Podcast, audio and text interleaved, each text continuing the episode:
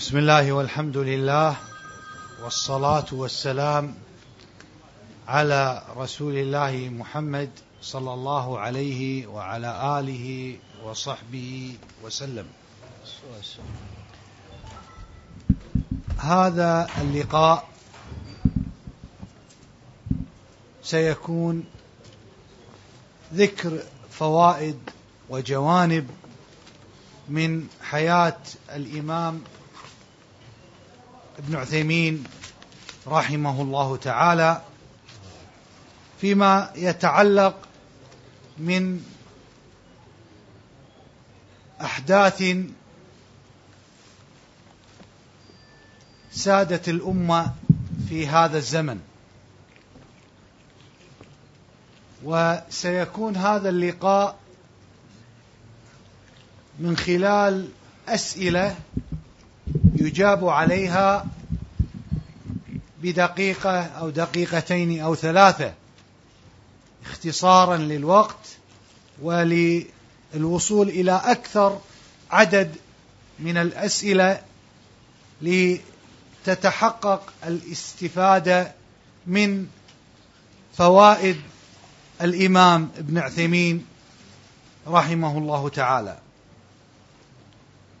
وسيشارك في هذا اللقاء الذي يبث عبر إذاعة النهج الواضح. وأسأل الله عز وجل أن يثيب العاملين بهذه الإذاعة السنية الأثرية السلفية. وسيكون بمشاركة الشيخ أحمد السبيعي والشيخ خالد عبد الرحمن والشيخ أحمد بازمول والشيخ عادل المنصور. وأسأل الله عز وجل أن يوفق الجميع ويسدد الجميع لتتحقق الغاية من نشر فوائد الإمام ابن عثيمين رحمه الله تعالى. وسيكون السؤال الأول للشيخ خالد بن عبد الرحمن فيما يخص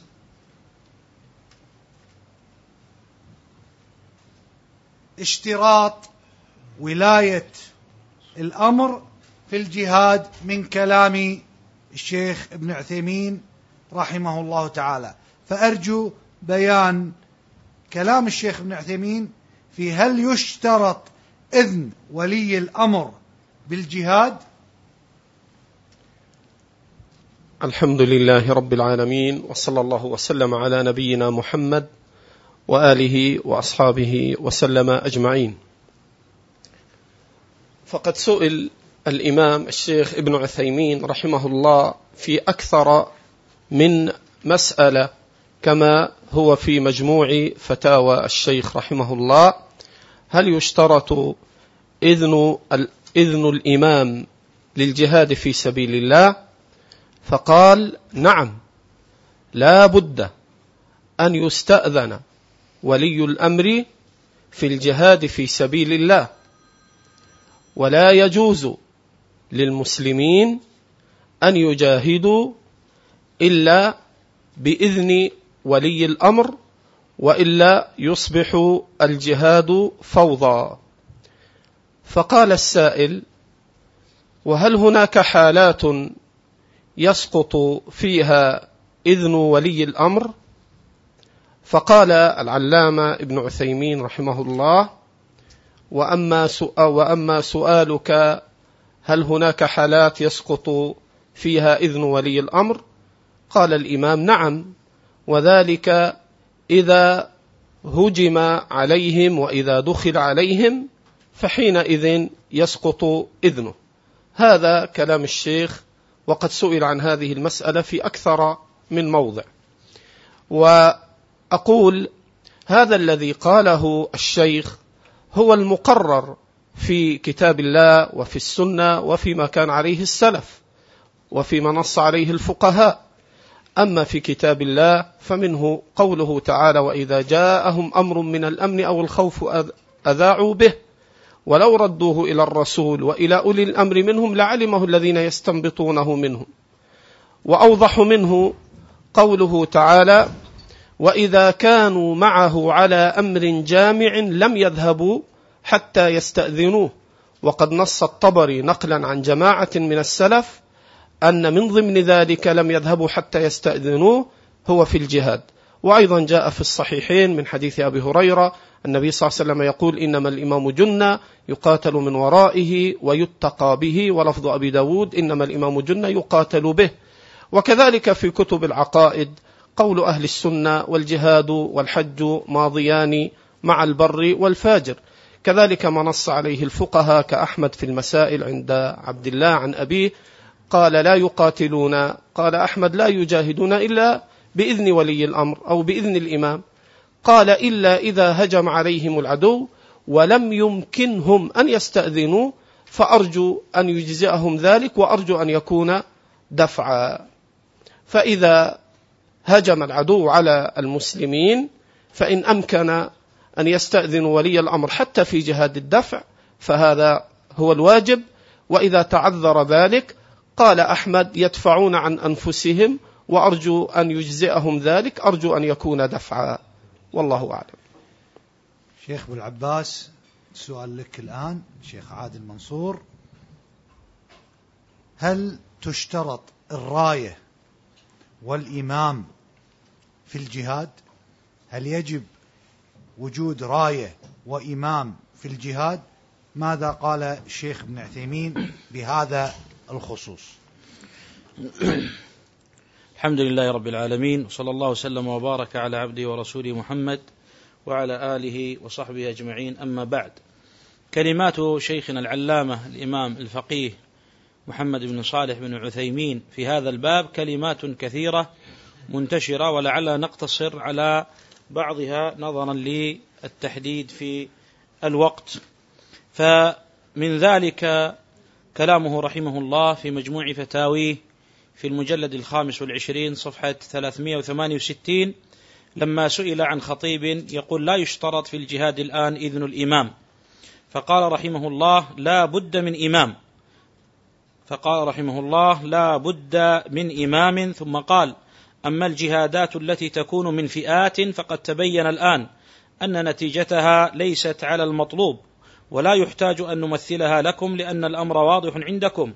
وهذه تشبه العصابات. ولهذا حصل منها الشر والفساد بعد ذلك. ما هو معلوم الآن؟ حتى صار الذين يقاتل من أجلهم صاروا هم أنفسهم يقتتلون. ولا حول ولا قوة إلا بالله العلي العظيم. ومن ذلك قوله رحمه الله تعالى أيضا في آه، لقاء الباب المفتوح. في اللقاء الثالث عشر لما في رد على نحو هذا السؤال بأن القول بجواز الجهاد لعدم وجود إمام أو تخاذله أو تكاسله فقال هذا غير صحيح. الجهاد ماض في هذه الأمة إلى يوم القيامة ولكن الجهاد يجب أن يكون مدبرا من قبل ولي الأمر. لأنه إذا كان غير مدبر من قبل ولي الأمر صارت فيه فوضى. وصار كل طائفة تفتخر على الأخرى بأنها هي التي فعلت كذا وفعلت كذا. وبالتالي ربما لا تحمد العاقبة كما جرى في أفغانستان مثلا. فإن الناس بلا شك ساعدوا الأفغانيين مساعدة عظيمة بالغة وكانت النتيجة ما تسمعون الآن. هذا كلامه رحمه الله. ومن ذلك أيضا قوله رحمه الله تعالى في لقاء الباب المفتوح اللقاء الثامن عشر ضمن جواب له ثم الجهاد يا إخواني لا بد من راية إمام لأنه سيصبح عصابات. لا بد من إمام يقود الأمة الإسلامية. ولذلك تجد الذين قاموا بالجهاد من غير راية إمام. لا يستقيم لهم حال بل ربما يبادون عن آخرهم وإذا قدر لهم انتصار صار النزاع بينهم. وإذا قدر لهم انتصار صار النزاع بينهم. وكذلك في فتوى له رحمه الله تعالى فيما يتعلق بمسألة في جهاد في قطر أو دعوى جهاد في قطر لعله يأتي الكلام. لكن قال في مجموع فتاوي في المجلد الخامس والعشرين صفحة 330 وهو في اللقاء الحادي والعشرين من لقاءات الباب المفتوح. قال رحمه الله الجهاد يحتاج اولا إلى راية من خليفة أو إمام وهذا مفقود في الواقع. إلى آخر فتواه يأتي الحديث عنها. فتلخص من هذا أن الشيخ في هذا الباب ماض على ما هو ماض عليه أهل السنة والجماعة قديما منذ شرع الله تبارك وتعالى الجهاد في عهد النبي صلى الله عليه وسلم إلى الآن. أنه لا يعرف في الإسلام جهاد كما يقول الشيخنا العلامة صالح الفوزان لا يعرف جهاد من عهد النبي صلى الله عليه وعلى آله وسلم إلى عصرنا إلا أن يكون مع إمام وتحت رايته. ولا يعرف قتال آه، دون إمام قال حفظه الله إلا قتال الخوارج واشباه وأشباههم كما هو مسجل مثبت بصوته وهذا أصل قد تقرر وذكر الشيخ خالد جملة من أدلة هذا الأمر. شيخ ابن العباس أيضا السؤال لك. ما موقف الشيخ ابن عثيمين من الجهاد الكشميري؟ الجهاد الكشميري دائما نجد أبناء الجماعات السياسية الإسلامية يذكرون أخبار الجهاد الكشميري في صحفهم أو في مجلاتهم كمجلة جمعية إحياء التراث الفرقان تذكر الجهاد أخبار الجهاد الكشميري. وكذلك مجلة المجتمع الإخوانية تذكر أخبار الجهاد الكشميري. فتجعل الشباب وأتباع هذه التنظيمات يرون أن كشمير جهاد. لنرى ما موقف الشيخ ابن عثيمين من هذا الجهاد. هل هو قد تكلم في الجهاد الكشميري أم لا؟ فتفضل. اولا الشيخ رحمه الله تعالى له كلمات كثيرة وفتاوى مطولة والوقت لكل جواب من أسئلة الشيخ محدد بدقيقة إلى دقيقتين. لهذا سأقتصر على ملامح من فتاويه رحمه الله تعالى فيما يتعلق بالجهاد والراية الجهاد في كشمير وهي أيضا في المصدر السابق من مجموع الفتاوي الخامس والعشرين صفحة 330 وفي اللقاء الحادي والعشرين من لقاءات الباب المفتوح لما سئل هل راية الجهاد في كشمير صحيحة فقال يا إخواننا الجهاد يحتاج اولا إلى راية من خليفة أو إمام وهذا مفقود في الواقع. ثانيا الجهاد يحتاج إلى أن ذهاب الإنسان ليجاهد يكون فيه نفع وغنائم ومعلوم أن في الوقت الحاضر لا يحصل فيه ذلك. طائرات تأتي من فوق والذين تحتها كلهم تحت قوة الطائرات. لا يوجد غنم. إلى أن قال ثالثا أنه يشترك في هذه الحروب. أناس جاءوا لينفسوا عن أنفسهم لأنهم في بلادهم مكبوتين فيأتون لينفسوا عن أنفسهم ثم يبثون السموم في الآخرين ويكرهون ولاتهم لهم. فيرجع هؤلاء إلى بلادهم وهم قد مقتوا البلاد رعيتها ورعاتها. ويحصل بذلك مفاسد كثيرة والأمثلة لا أحب أن أذكرها ولكن تأملوا في عدة بلاد. إلى أن سئل فقيل له لكنك فقيل له بلغنا أن لكم فتوى متداولة بين المجاهدين في كشمير أنكم تنصحون بالجهاد في كشمير وأنها راية صحيحة. الجواب ليس بصحيح. أي ليس بصحيح في نسبة تلك الفتوى إليه وما تضمنه السؤال من كونه جهاد وكون الراية فيه راية صحيحة. فنافى الشيخ كل ذلك بقوله ليس بصحيح. وهذا يجرنا إلى الأمر الثاني باختصار وهو كثرة ما يكذب على العلماء عموما وعليه خصوصا. فلما خرج الخوارج في الجزائر وحملوا السلاح وقاتلوا الدولة والجيش كان من ضمن من نسبوا إليهم هذا الباطل والزور الشيخ ابن عثيمين. فلما اتصل عليه بتسجيل معروف مشهور فقال ما أكثر ما يكذب على العلماء عموما وعلي أنا خصوصا. فهذا كذب ويجب على أولئك المقاتلين أن يضعوا السلاح وأن يتوبوا إلى الله تبارك وتعالى. وهذا يدلنا على خطورة أصحاب المناهج الحركية فيما ينسبونه إلى المشايخ وما ينسبونه إلى المشايخ على ثلاث درجات أو ثلاثة أنواع. إما نوع مكذوب مفترى أصالة لا يصح منه شيء كما سمعنا في نفي الشيخ في هذه الفتوى وفتوى في الجزائر وغيرها المكذوبة عليه. وإما أن يكون أصل الكلام صحيحا بشروطه وقيوده ولكن الناقل الحركي يحذف من ذلك ما يفيد في الموضوع تقييدا وتخصيصا. وإما أن يكون رأي قديم للشيخ أو لغير الشيخ من علمائنا فيما يتعلق بأوضاع معينة وأحداث معينة لما نزلت أفتوا فيها ثم لما تبين لهم تركوا ذلك. فيأخذ بفتواهم الأولى ويعرض ويكتم عن الناس ما تأخر من جوابهم. هذه ثلاثة مسالك يسلكونها مع فتاوي العلماء. والله أعلم. شيخ خالد عبد الرحمن كما تقدم الآن لا بد من ولي أمر وراية وهذا يقتضي السمع والطاعة لولي الأمر. فلذلك تأتي الإيرادات وأتصور أن هذه الإيرادات قد طرحت على الشيخ ابن عثيمين. فالسؤال هو هل السمع والطاعة لولي الأمر يعتبر فكر انهزامي وهل طرح هذا السؤال على الشيخ ابن عثيمين؟ هل يعد السمع والطاعة لولي الأمر فكر انهزامي تفضل. جاء طبعا نقل عن الشيخ ابن عثيمين. تفضل. جاء في حوار أجراه رجل يدعى أبا الخيل في حوار مطول مع الشيخ ابن عثيمين وكان في ضمن السؤال أن سأل هذا السائل الذي سبق ذكر ما يكنى به أن قال للشيخ ابن عثيمين رحمه الله أن بعض الناس يقولون إن مسألة السمع والطاعة لولي الأمر إذا كان ظالما وإذا كان فاسقا وأن يحتمل أذاه أن هذا يعتبر فكر انهزامي.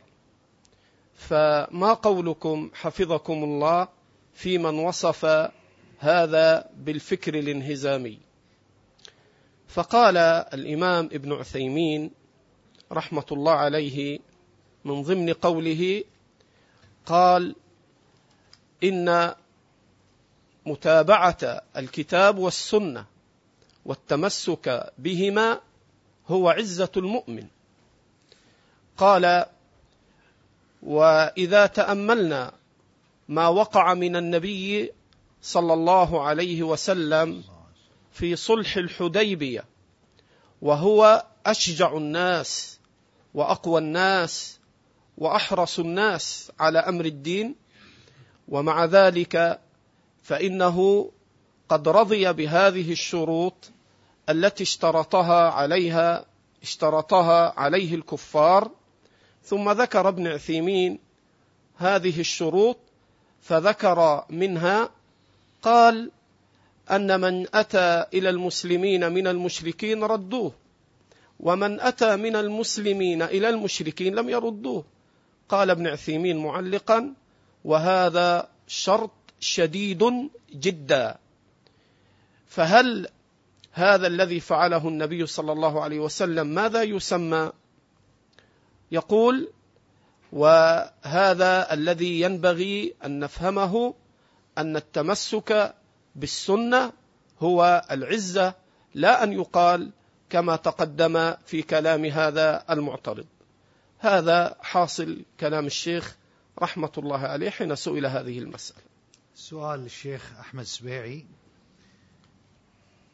هل يصح أن يجتمع أهل السنة مع أهل البدعة في مواجهة الأعداء؟ هل يصح أن يجتمع السني مع المبتدع في مواجهة أعداء الأمة؟ فهل كان للشيخ ابن عثيمين كلام في هذه المسألة تفضل مشكورا. الحمد لله والصلاة والسلام على رسول الله وعلى آله وسلم. أما بعد فقد سئل الشيخ رحمه الله تعالى عددا من الأسئلة يدور معناها حول هذا المعنى وهو هل يصح أن أهل السنة يضعون أيديهم بأيدي المخالف أيا ما كان سواء كان أشعريا أو كان من الأحزاب الإسلامية بحجة أن مقاومة العدو الأكبر فكان من يعني أسئلة الموجهة إليه وأجوبته رحمه الله تعالى. يقول السائل يقول بعض الناس لا ينبغي الرد على من أول الصفات كالأشاعرة لأن هذا يؤدي إلى تفريق المسلمين وعدم اجتماعهم فما هو قولكم في ذلك؟ قال رحمه الله تعالى قولي في ذلك أنه يجب بيان الحق وبيان الخطأ. الحق وهذا وسيلة من وسائل اتفاق المؤمنين إذا كانوا مخلصين لله عز وجل في اتباع ما جاء به الكتاب والسنة. ولهذا قال الله تعالى فإن تنازعتم في شيء فردوه إلى الله والرسول إن كنتم تؤمنون بالله واليوم الآخر ذلك خير وأحسن تأويلا. خير في الحال يقول الشيخ رحمه الله تعالى وأحسن تأويلا في المآل. لم يقل الله عز وجل أنكم إذا رددتم ذلك إلى الكتاب والسنة كان سببا للاختلاف بل قال ذلك خير وأحسن تأويلا. فالواجب بيان الصواب وبيان الخطأ من أي إنسان صدر منه ذلك وهذا هو الذي يوجب وحدة الأمة.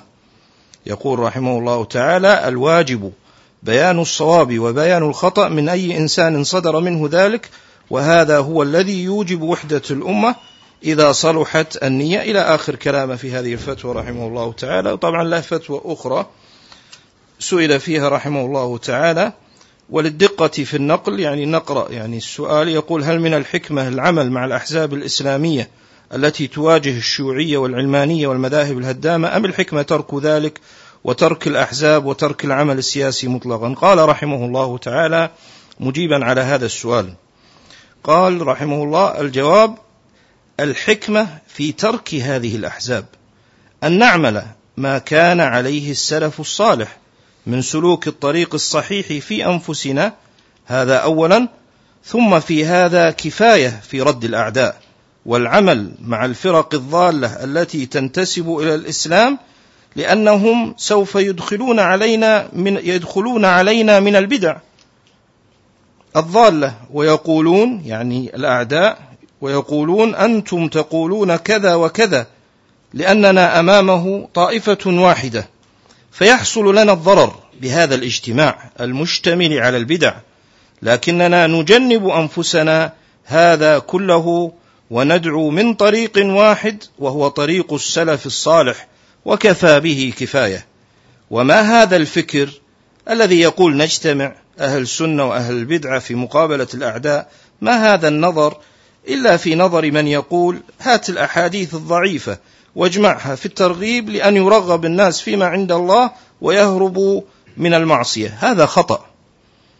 ولهذا لا نرى إيراد الأحاديث الضعيفة لا في الترغيب ولا في الترهيب. لا نرى إيرادها مط إطلاقا إلا مقرونة ببيان الضعف لأن في الأحاديث الصحيحة فيها الكفاية وذلك طريق السلف الصالح. الخالص من شوائب البدع فيه الكفاية. انتهى كلامه رحمه الله تعالى. يتبع يعني السؤال شيخ أحمد سبيعي ما موقف الشيخ ابن عثيمين من الأخذ من المبتدع؟ أو من سؤال المبتدع والدراسة عليه والجلوس معه. فهل كان للشيخ ابن عثيمين آه، كلام في مسألة الأخذ عن المبتدع؟ طبعا الشيخ رحمه الله تعالى وطبعا نحن يعني نجني يعني من فوائده قطرات وإلا يعني فإن حصر هذا كما يعني ينبغي أن يعلم. أنه يحتاج أن يدرس حياة الشيخ كلها وكتبه كلها فكل حياته مبنية على تأصيل الحق ونقض الباطل رحمه الله تعالى. فأما هذه المسألة هل يجوز الأخذ عن المبتدع وهل يعين صاحب البدعة وهل عين عين ابن عثيمين رحمه الله أحد؟ طبعا ابن ابن عثيمين نعم. ابن عثيمين رحمه الله تعالى طبعا عين أعيانا كثيرة يعني بالنقد حين يقتضي هذا الأمر مع العلم أنه كان رفيقا حليما يعني في مذهبه فيما يتعلق بهذه المسألة وهذا لا أريد أن أسترسل بالشرح حتى يعني أحصر في النقطة المعينة. فأقول أن الشيخ مثلا عين يعني عدد من الناس بأسمائهم كالمغراوي وعرعور والسويدان وسيد قطب وكذلك له كلام شديد جدا في القرضاوي. طيب لكن المهم هو ليس أنه من عينهم ابن عثيمين رحمه الله.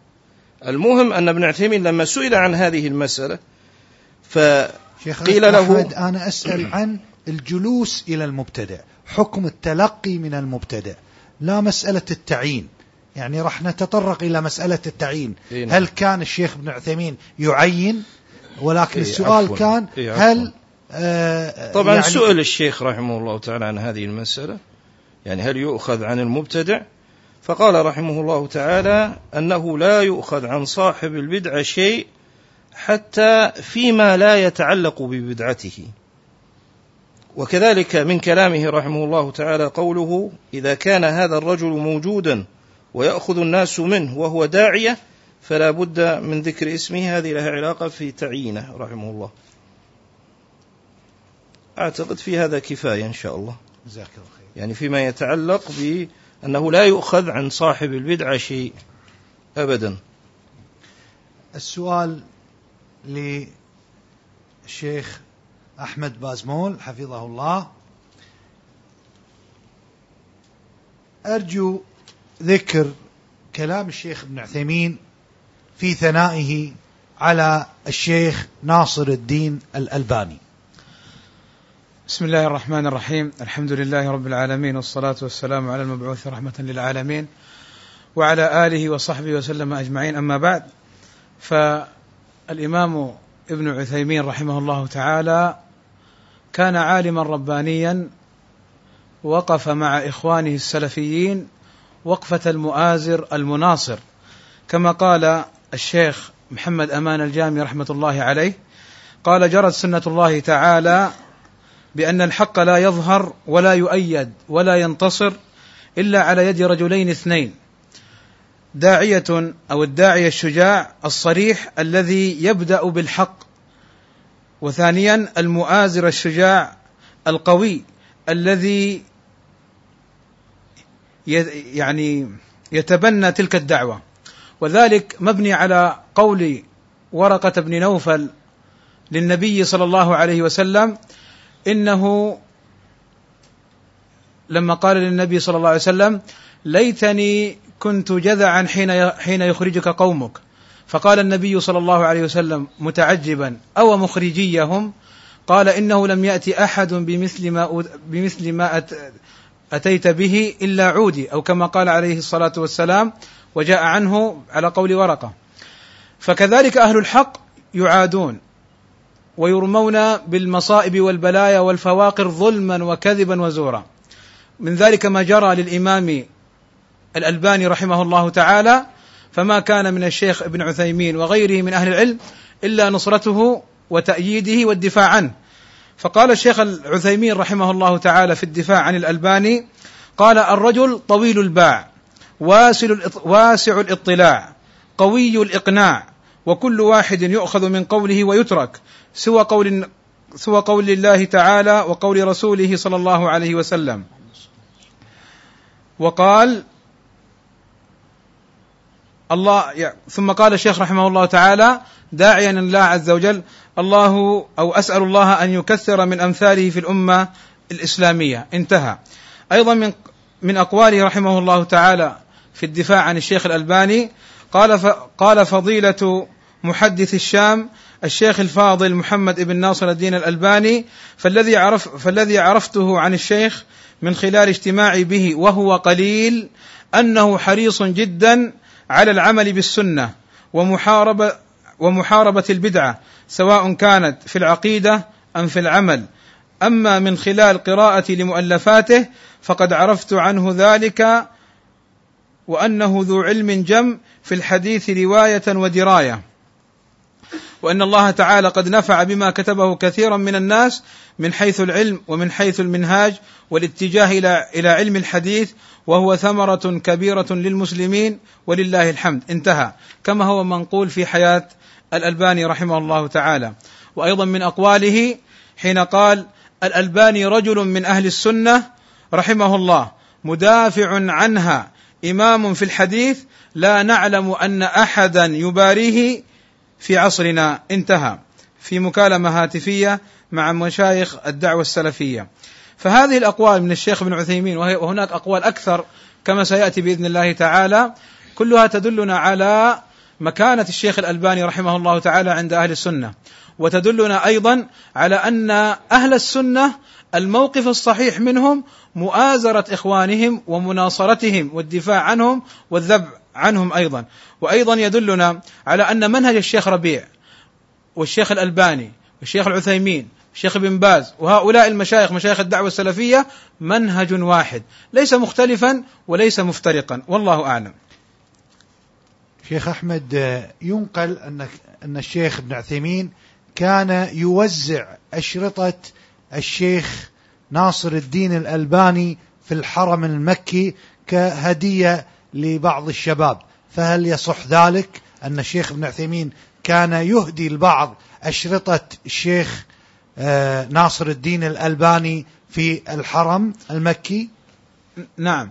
آه، ثبت أن الشيخ العثيمين رحمه الله تعالى في رمضان في التاسع والعشرين من شهر رمضان عام, عام ستة عشر وأربعمائة وألف في الصباح كان يوزع على طلابه أشرطة الشيخ الألباني كهدايا لطلابه وكان يقول وهو وهو يوزعها محدث عصره الشيخ ناصر الدين الألباني. فهذه قصة مشهورة ثابتة عن الشيخ العثيمين رحمه الله تعالى. نعم.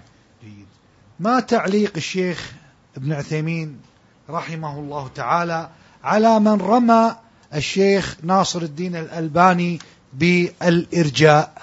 ما كان موقف الشيخ ابن عثيمين؟ هل من الممكن بيان موقف الشيخ ممن رمى الشيخ ناصر الدين الألباني بالإرجاء؟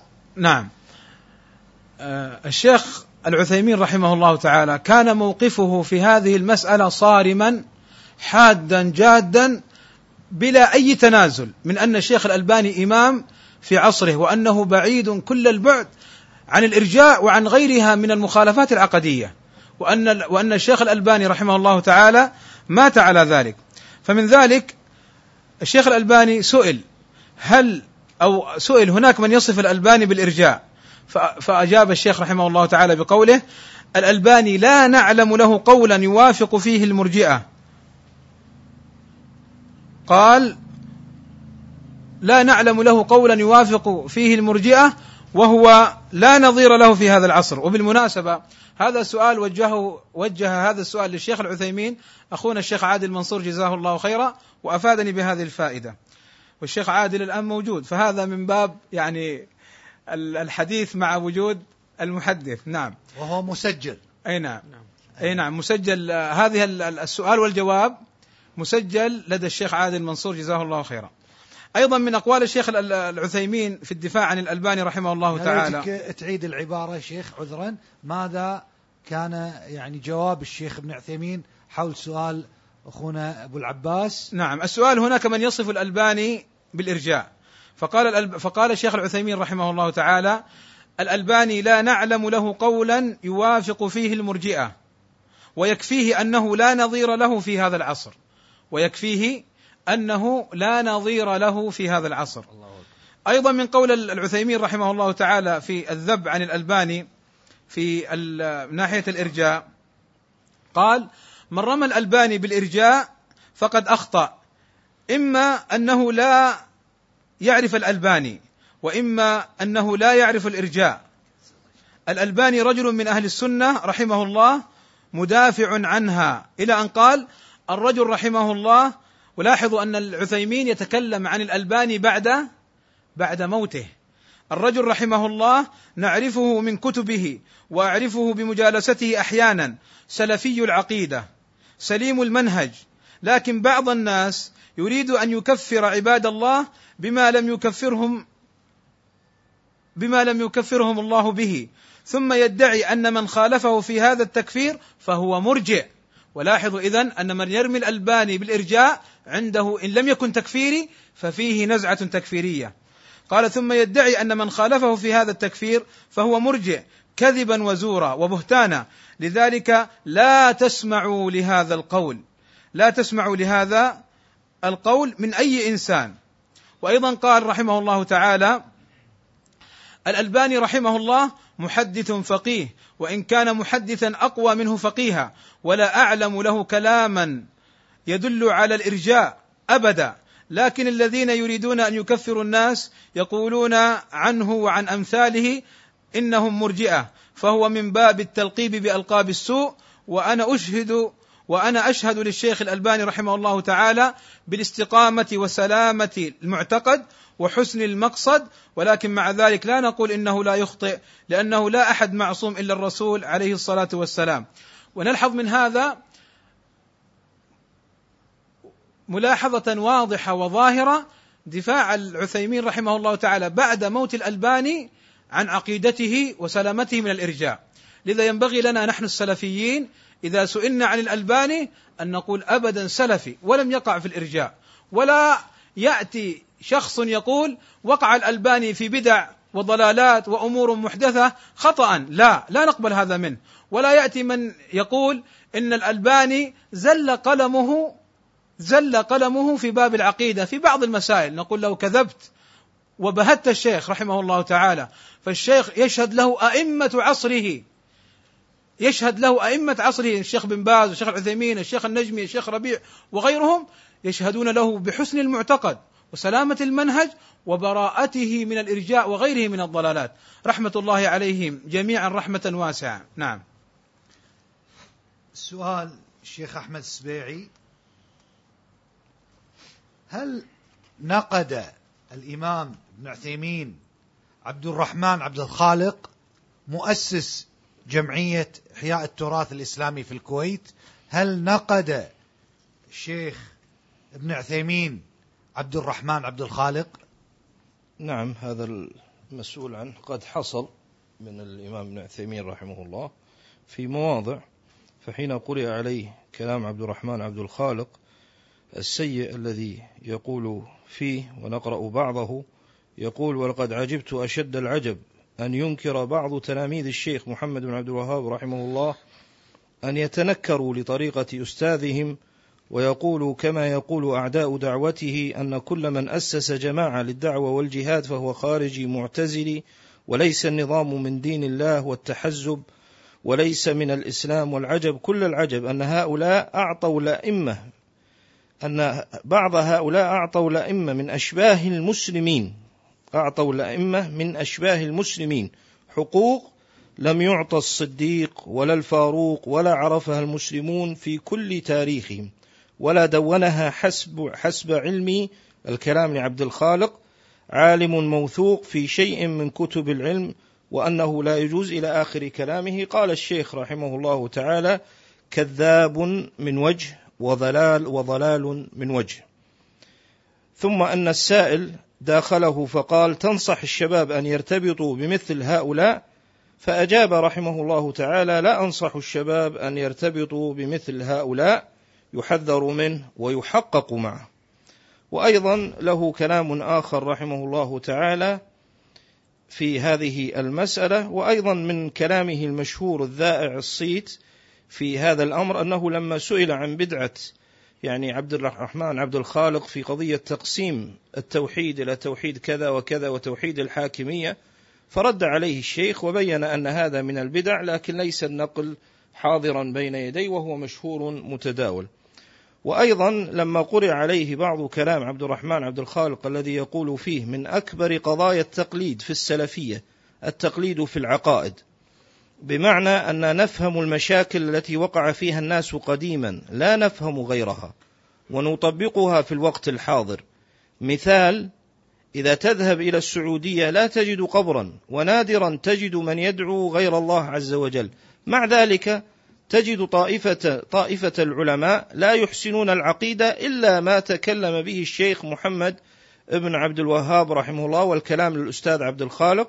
قال وهي قضايا توحيد الألوهية والنهي عن عبادة القبور والتوسل بها مع العلم أن البيئة والقرى التي يتكلمون فيها هذا الكلام لا تجد فيها إنسان يقول بمثل هذا الكلام لكن نشأ أفكار جديدة مثل الإلحاد والتشكيك في الدين لكن هم يعني العلماء في عماية تامة وجهل تام عن هذه المشكلات الجديدة. إذا هذه السلفية التقليدية لا تساوي شيئا. انتهى كلامه. فأجاب الشيخ رحمه الله تعالى قائلا هذا الكلام عن جهل بواقع السعودية. فالعلماء هنا ولله الحمد يقررون التوحيد بجميع أنواع أنواعه توحيد الربوبية وتوحيد الألوهية وتوحيد الأسماء والصفات يقررون هذا لأنهم مسؤولون عن إخوانهم في البلاد الأخرى التي يرون ظل كثير من عوامها بتعظيم القبور ودعائها أحيانا. وقال رحمه الله تعالى أيضا أما كونهم لم يبحثوا فيما جد من العقائد الفاسدة الباطلة فهذه أيضا شنشنة وقد نشأ كثير من طلاب العلم الذين تخرجوا من الجامعات على دراسة هذه الأفكار المنحرفة والملل الحادثة كما يعرف ذلك من اطلع على على مناهج جامعة الإمام محمد بن سعود إلى آخر كلامه رحمه الله تعالى. نعم. جزاكم الله خير. السؤال الشيخ أحمد بازمول. ما هو كلام الشيخ وتوجيه الشيخ ابن عثيمين؟ عندما سئل من شباب الجزائر حول سماع بعض شباب الجزائر لأشرطة سلمان العودة وسفر الحوالي. هل كان هناك توجيه من قبل الشيخ ابن عثيمين للشباب حول من يسمع مثل أشرطة سلمان العودة وسفر الحوالي؟ تفضل مشكورا.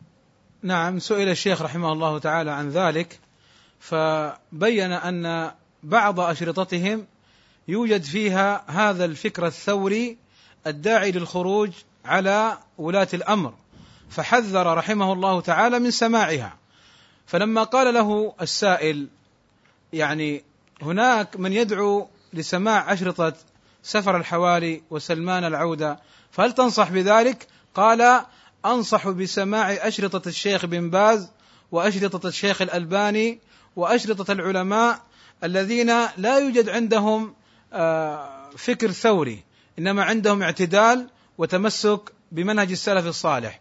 وهذا الموقف من الشيخ رحمه الله تعالى موقفا صارما ممن يخالف الحق وهو يدل أيضا على أن الشيخ ابن عثيمين رحمه الله تعالى كما سيأتي ربما وقد ذكر الشيخ أحمد حفظه الله تعالى شيئا من ذلك أنه كان يحذر ممن خالف الحق بأسمائهم وأنه أيضا مع إخوانه السلفيين الذين يقفون في وجه الفتن وأهلها وأن الوقوف في وجه الفتن ببيان الحق هو الحكمة وهو الدعوة إلى الاجتماع وعدم الفرقة. جزاك الله خير. شيخ أبو العباس سؤال أعتقد أن المستمع يريد أن يسمع الإجابة. لماذا عقدنا هذا المجلس بخصوص ابن عثيمين تحديدا؟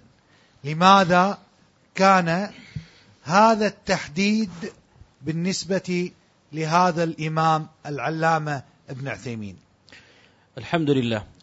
أولا إن من شكر العالم أن يبث علمه في الناس. ويتأكد هذا الحق إذا أخفي بعض علمه لمآرب سياسية وتحت مظلات الدعوات الحزبية فيتأكد على من لهم ولاء السنة والعلم به أن ينشروا علمه. ثانيا لبيان أن هذا الإمام لم يرتفع بهذه الدرجة في الأمة إلا لاتباعه السنة. فلسنا بتقرير هذه المسائل من خلال كلام الشيخ. نأخذ الحق لأن الشيخ قاله أو ندعو إلى رفع راية تقليد لعالم دون آخر. ولكن لنقيم الحجة على أن هذا الإمام لم ينبل في هذه الأمة بهذه الدرجة إلا لتمسكه بالسنة. في حين كانت تحرص الحركات الإسلامية فيما تجمعه من الفتاوى والرسائل على أن تقرنه مثلا بتقرن غيره به كما كانوا يصنعون. لما يطبعون رسائل وفتاوى ومنشورات فيجعلون معه ابن جبرين كفرسي رهان ولكن من رفع السنة وتمسك بها وذب عنها ودحر البدعة هو الذي رفعه الله والآخر اتضع ببدعته. وهذا كما ذكر شيخ الإسلام في المجلد الثامن عشر من فتاوي لما تحدث عن أهل الحديث قال إن هؤلاء الأئمة كأحمد وغيره إنما نبلوا في الأمة بقدر تمسكهم بالسنة والحديث. وعلى قدر تمسك الإمام منهم بالسنة والحديث وطريق السلف الصالح يرفعه الله تبارك وتعالى. الأمر الثالث مما دفعنا والله لاختيار مثل هذا الموضوع وجود الملتصقين بالشيخ ابن عثيمين رحمه الله تعالى والمتتلمذين له في أقطار الدنيا انتشارا عظيما ومنها مثلا الكويت والخليج عموما ممن تتلمذوا عليه وهم على صنفين. الصنف الأول من هو اليوم ظاهر المخالفة لأصول أهل السنة عموما ومنها من سار ما سار عليه الشيخ رحمه الله تبارك وتعالى. ومن هؤلاء من ربما عقد الدورات العلمية باسمه وأنشأ المؤسسات الخيرية باسمه ومراكز الأيتام وغير ذلك من أنواع الضروع التي تدر الأموال ليعلم ان أنهم يعلمون محبة الأمة لعلمائها الصادقين. والصنف الثاني ممن تتلمذ عليه هم من ابناء أو من من يسميهم الشيخ أحمد حفظه الله بطانة الجماعات الإسلامية وأطلقت عليهم خدام الجماعات الإسلامية وهو أعلم وأدرى. من آه، من يستنكر مع كثرة تبجحه بأنه من طلاب ابن عثيمين وأنه على منهج ابن عثيمين وأنه يسير على طريقة ابن عثيمين لكنه يستنكر أن يطرق أهل السنة المتحققون بها المواضيع التي طرقها ابن عثيمين كموضوع ولاة الأمر فيذم بالإكثار والطرق حوله وموضوع التحذير والشدة على أهل الأهواء والبدع فيذم ذلك. وموضوع التصريح بأسماء المخالفين ويذم ذلك. بينما هذا كله ستسمعون بعضا وقد سمعتم بعضا هو من جهد أو من طريقة ومسلك هذا الإمام. فنعرف ونفضح بمثل هذا الطرح نفضح كثيرا من الأدعياء سواء من المخالفين أو من بطانة الجماعات الملتصقين باسم ابن عثيمين والمرتفعين الذين يرفعون منزلتهم بين الناس وخصوصا السلفيين بانتسابهم لهذا العالم الكبير بل قد شهدنا من بعضهم كما حدث هنا وقت زيارات سابقة لي أن عقدت المؤتمرات بل والإنكار العلني ضد بعض وزارات الدولة في الكويت ضد مؤتمرات باسم الانتصار لكتب الشيخ بن عثيمين وكتب الشيخ بن باز. فهذه من الأسباب التي تدفعنا للحديث عن هذا الموضوع وأرجو أن تكون واضحة وإن الاختصار والضغط في الدقائق نخشى أن نهضم حق الشيخ ونهضم حق علمه ولكن كما تقدم بيان العذر أن المراد تنبيهات إلماحات إضاءات إشارات سموها ما شئتم ليس المراد أن نستوعب أقواله في كل مسألة معزوه إلى كتبه والله أعلم. السؤال للشيخ خالد عبد الرحمن حفظه الله هل يصح الصبر على الحاكم الكافر بحجة المصالح والمفاسد أو اعتبار القدرة فهل كان للشيخ ابن عثيمين كلام في هذه المسألة أن يصح الصبر على الحاكم الكافر تحت مظلة آه، اعتبار القدرة أو بحجة المصالح والمفاسد؟ نعم. الشيخ رحمه الله له أقوال كثيرة في هذا الباب وألخص منها ما يحضرني فمنها ما صرح به رحمه الله تعالى في شرح العقيدة السفارينية وهذا الذي ضبطه في لسان العروس للزبيدي وبه قيده الألباني. المقصود فقد صرح هناك في الجزء الأول صفحة 18 حين شرح معنى الكفر البواح. قال وإذا أتى الحاكم بالكفر البواح كأن يصرح بأنه يهودي أو نصراني ثم لا يوجد قدرة لدى الشعب على الخروج عليه وعلى نزعه فإنه لا يصح لكافر ولاية على المسلمين. ولا تنعقد له بيعة في رقابهم ما دام أتى بالكفر البواح وصرح به. قال ولكن إذا لم يكن عندهم قدرة حينئذ لا يجوز لهم أن يقاتلوا بل يجب أن يصبروا حتى لا تكون أو لا تقع الدماء والفوضى. ثم بعد ذلك هؤلاء الذين يخرجون كل واحد منهم يحب أن يكون الحكم معه في جماعته. وقال أيضا رحمه الله في لقاء الباب المفتوح زيادة على هذا قال إن الحاكم الكافر المصرح بالكفر البواح قواعد الشرع والأدلة الشرعية ربطت الأحكام بالقدرة والاستطاعة. حينئذ فلا يجوز أن يقاتلوه وهم لا قدرة لهم على ذلك لأنهم حينئذ سيقتلون أنفسهم ويتسببون في أن يبيدهم هذا الحاكم.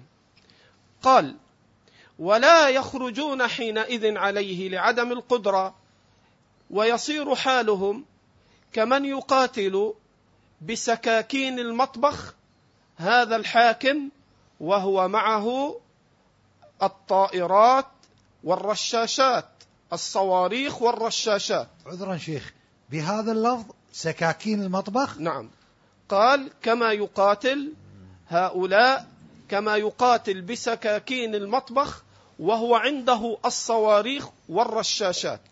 وقال مرة لفظة زائدة قال كما يقاتلون بسكاكين المطبخ وعوامل البقر وهو معه الصواريخ في الأولى قال والرشاشات وفي الثانية قال ولا يقاتلون ومعهم كما يكون معهم سكاكين المطبخ وعوامل البقر وهو معه الصواريخ وكذا وكذا وأتى بكلمة غير الرشاشات فقال الشيخ وهذا أيضا كما كان حال الصحابة في مكة حين لم يؤمروا بالقتال لعدم القدرة فصبروا حتى تحققت لهم القدرة.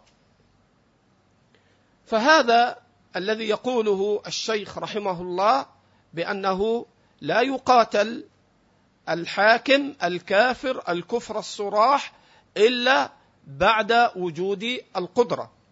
وهذا الذي ذكره الشيخ هذا لا خلاف فيه بين أهل العلم وهو ظاهر الكتاب والسنة وما أفتى به الأئمة. فظاهر الكتاب قوله تعالى واعد لهم ما استطعتم من قوة ومن رباط الخيل وقد ذكرت البغال في غير القتال فقال الله تعالى والخيل والبغال والحمير لتركبوها وزينة ويخلق ما لا تعلمون. فذكر البغال والحمير والخيل في موضع الزينة وفي موضع بيان النعمة. فلما جاء في موضع القتال لم يذكر الله جل وعلا لا البغال ولا الحمير وإنما قال وأعدوا لهم ما استطعتم من قوة ومن رباط الخيل. ثم بين العلة في أن حدد الخيل فقال ترهبون به عدو الله وعدوكم. قال الإمام الألباني والذين يقاتلون بغير قدرة واستطاعة هؤلاء يشبهون المنافقين. قال الألباني لأن الله تعالى يقول ولو أرادوا الخروج لأعدوا له عدة ولكن كره الله بعاثهم فثبتهم وقيل اقعدوا مع القاعدين قال الألباني فالذي يريد أن يقاتل بغير أن يعد العده والاستطاعة فهذا شبيه بالمنافقين. كذلك ما جاء في السنة من أمر النبي صلى الله عليه وسلم من قوله في الصحيح ألا إن القوة الرمي ألا إن القوة الرمي ألا إن القوة الرمي.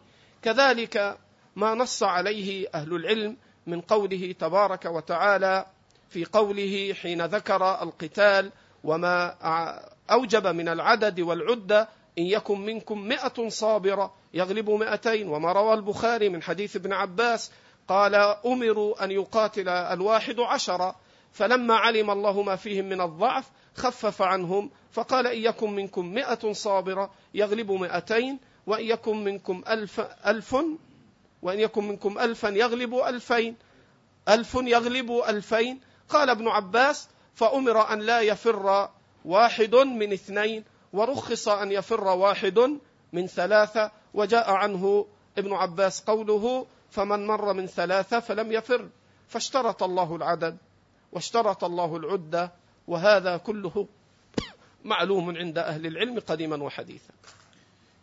جزاك الله خير شيخ. آه، كما هو معلوم على الساحة نجد دائما الآن التطرق إلى موضوع الحاكم المتغلب وهذا المبحث يعني تكلم فيه الكثير. فنود أن نعرف ما هو شيخ خالد ما هو كلام الإمام العلامة الشيخ ابن عثيمين حول الحاكم المتغلب. جزاك الله خير. نص الشيخ ابن عثيمين رحمه الله نص في لقاء الباب المفتوح حين سئل عن البيعة وأن بعض الناس يمتنع عن بيعة الحاكم لأسباب. فقال الإمام ابن عثيمين مجيبا عن هذا فكان فيما يتعلق ببيعة الحاكم. وقد سأله السائل كيف نقيم هذه البيعة الشرعية وهي بيعة ولي الأمر مع ما يحصل في بلاد المسلمين من الانقلابات ومن خروج بعض الناس على بعض. فكيف نقيم هذه البيعة مع كثرة هذه الانقلابات وما يحصل من تعدي البعض على الحكم كل فترة؟ فقال الإمام ابن عثيمين رحمة الله عليه قال إذا تم السطوة للحاكم واستقر له الأمر والقوة قال فهذا من تمام البيعة. فهذا من تمام البيعة. فيسمع له ويطاع. لذلك ذكر الإمام ابن عثيمين أنه ليس معنى حصول الانقلابات. كل وقت يحصل انقلاب على حاكم أن تلغى البيعة. وإنما إن حصلت الانقلابات قال واستقر له الأمر وصارت له الصوت والقوة. قال فإن هذا من تمام البيعة. إذا فكلما حصل انقلاب ثم استقر الأمر للمنقلب فإنه يسمع ويطاع له وتكون له البيعة الشرعية وإن أتى عن طريق الانقلابات. وهذا الذي نص عليه الإمام ابن عثيمين هو الذي استقر عليه أهل العلم وهو الذي استقر في كتب العقائد ومن ذلك ما قال أحمد رحمة الله عليه وأمير المؤمنين من رضيه الناس وبايعوه ومن على الناس بسيفه وسمي أمير المؤمنين وقال بعد ذلك أحمد ومن غلب الناس بسيفه فهو أمير المؤمنين وما نص عليه الشافعي في رواية البويطي وغيره من قول الشافعي رحمة الله عليه والأمير والسلطان أو من ولي الأمر فأمنت به الطرق وأمنت به السبل فلا يقاتل ولا يقاتل معه المسلمون كذلك ما نص عليه البويطي وغيره عن الشافعي رحمة الله عليه في الحاكم المتغلب. قال الشافعي ومن غلب الناس وسمي خليفة المسلمين الإمام أحمد يقول وسمي أمير الشافعي يقول وسمي خليفة فله السمع والطاعة. وهذا هو الثابت في الأحاديث الصحيحة في عمومها وفي خصوصها ومثل ذلك قوله عليه الصلاة والسلام وإن استعمل عليكم عبد حبشي. وقد علم بأن الإمامة لا يصح أن تكون في وقت الاختيار إلا لقرشي إلى غير ذلك وقد احتج بهذا الشافعي وغيره كالبيهقي على صحة المتغلب. وهذا نص عليه الإمام ابن عثيمين وادعى بأنه إجماع نص عليه ابن باز وادعى بأنه إجماع نص عليه الفوزان ونص عليه كثير من الأئمة. وذكره أئمة الفقه كابن قدامة وغيره أكثر من خمسين إماما يذكرون هذا ويدعون فيه الإجماع. جزاك الله خير. شيخ أبو العباس حفظك الله سمعنا الآن كلام الشيخ في مقابلة العدو والقوة وما شابه ذلك. فما هي القوة المرادة في الآية؟ وأعدوا لهم ما استطعتم. ما المراد بالقوة؟ وهل كان للشيخ ابن عثيمين بيان في آه، معنى القوة؟ طبعا آه، الشيخ ابن عثيمين رحمه الله له كلام كثير ما بين مفرغ وبين مسموع يتعلق بتحديد مفهوم قول الله تبارك وتعالى وأعدوا لهم ما استطعتم من قوة. وأعدوا لهم ما استطعتم من قوة ومن رباط الخيل. ومن كلامه في ذلك اولا في تحديد المراد بالخطاب في قول الله تبارك وتعالى وأعدوا. فهل هذا الأمر لكل فرد من أفراد الأمة يذهب فيعد ويتدرب ويشتري ويذهب ويأتي آه، ويتمرس على القتال أم أن الخطاب في قوله وأعدوا هو بنفس الخطاب في قوله آه، فاجلدوا كل واحد منهما مئة جلدة وفي قوله تبارك وتعالى فاقطعوا أيديهما فإنه لم يفهم أحد من أئمة الصحابة والتابعين وأهل العلم سلفا وخلفا أن كل فرد من أفراد الأمة يذهب فيقطع يد السارق وكل فرد من أفراد الأمة يذهب فيجلد الزاني. وإنما كلهم علموا بدلالة السنة والقرآن وإجماع الصحابة أن هذا الأمر موكول إلى الإمام. فإذا يقول الشيخ بن عثيمين رحمه الله تعالى إن الإعداد للجهاد أو إعداد العدة للجهاد هو موكول إلى الإمام والمخاطب به هو الإمام. ويقول رحمه الله تعالى أيضا هذا بالنسبة لتحديد المأمور بقوله وأعدوا أنه الإمام وإذا اهتديت إلى موضعه أشرت إليه بالجزء والصفحة. ومن كلامه أيضا في تحديد معنى القوة ومن أعدوا لهم ما استطعتم من قوة.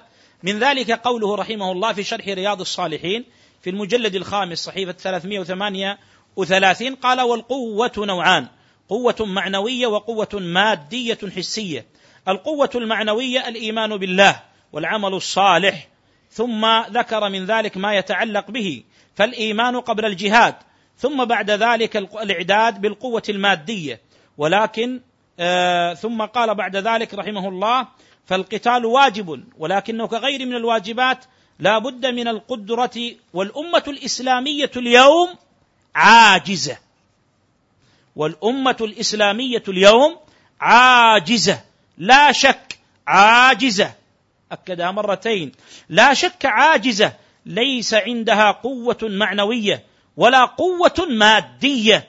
إذا يسقط الوجوب. ووقع في الطبعة المذكورة من هذا الكتاب الجواب يعني الوجوب. لعدم القدرة عليه فاتقوا الله ما استطعتم. وقال رحمه الله تعالى في لقاء الباب المفتوح اللقاء التاسع والأربعين الإعداد للجهاد في سبيل الله فرض كفاية والمخاطب بذلك ولاة الأمور. لقول الله تعالى وأعدوا لهم ما استطعتم من قوة. فأفادنا هذا النقل أولا أن قوله وأعدوا أمر والأمر للوجوب ولكنه ليس بوجوب عيني ولكنه وجوب كفائي.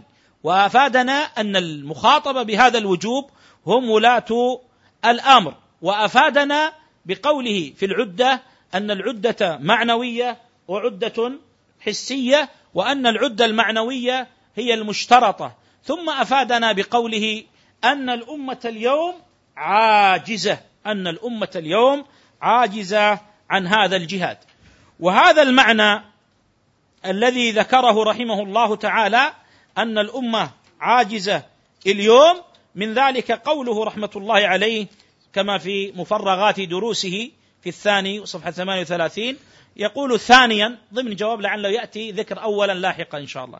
ليس عندهم قوة مادية لمقابلة الكفار لذلك لا نقول إن الجهاد واجب على المسلمين اليوم لأنهم لا يستطيعون. ولم يأمر الله نبيه وهو في مكة أن يقاتل المشركين لعدم القدرة.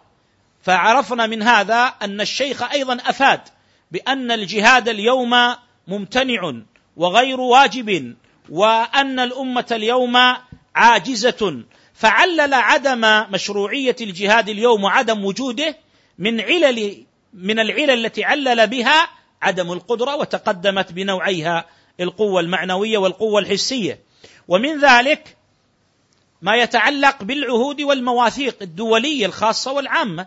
فيقول رحمه الله كما في المجموع المجلد الثامن عشر صفحة 88 و300 قال إنه في عصرنا الحاضر يتعذر القيام بالجهاد في سبيل الله بالسيف ونحوه.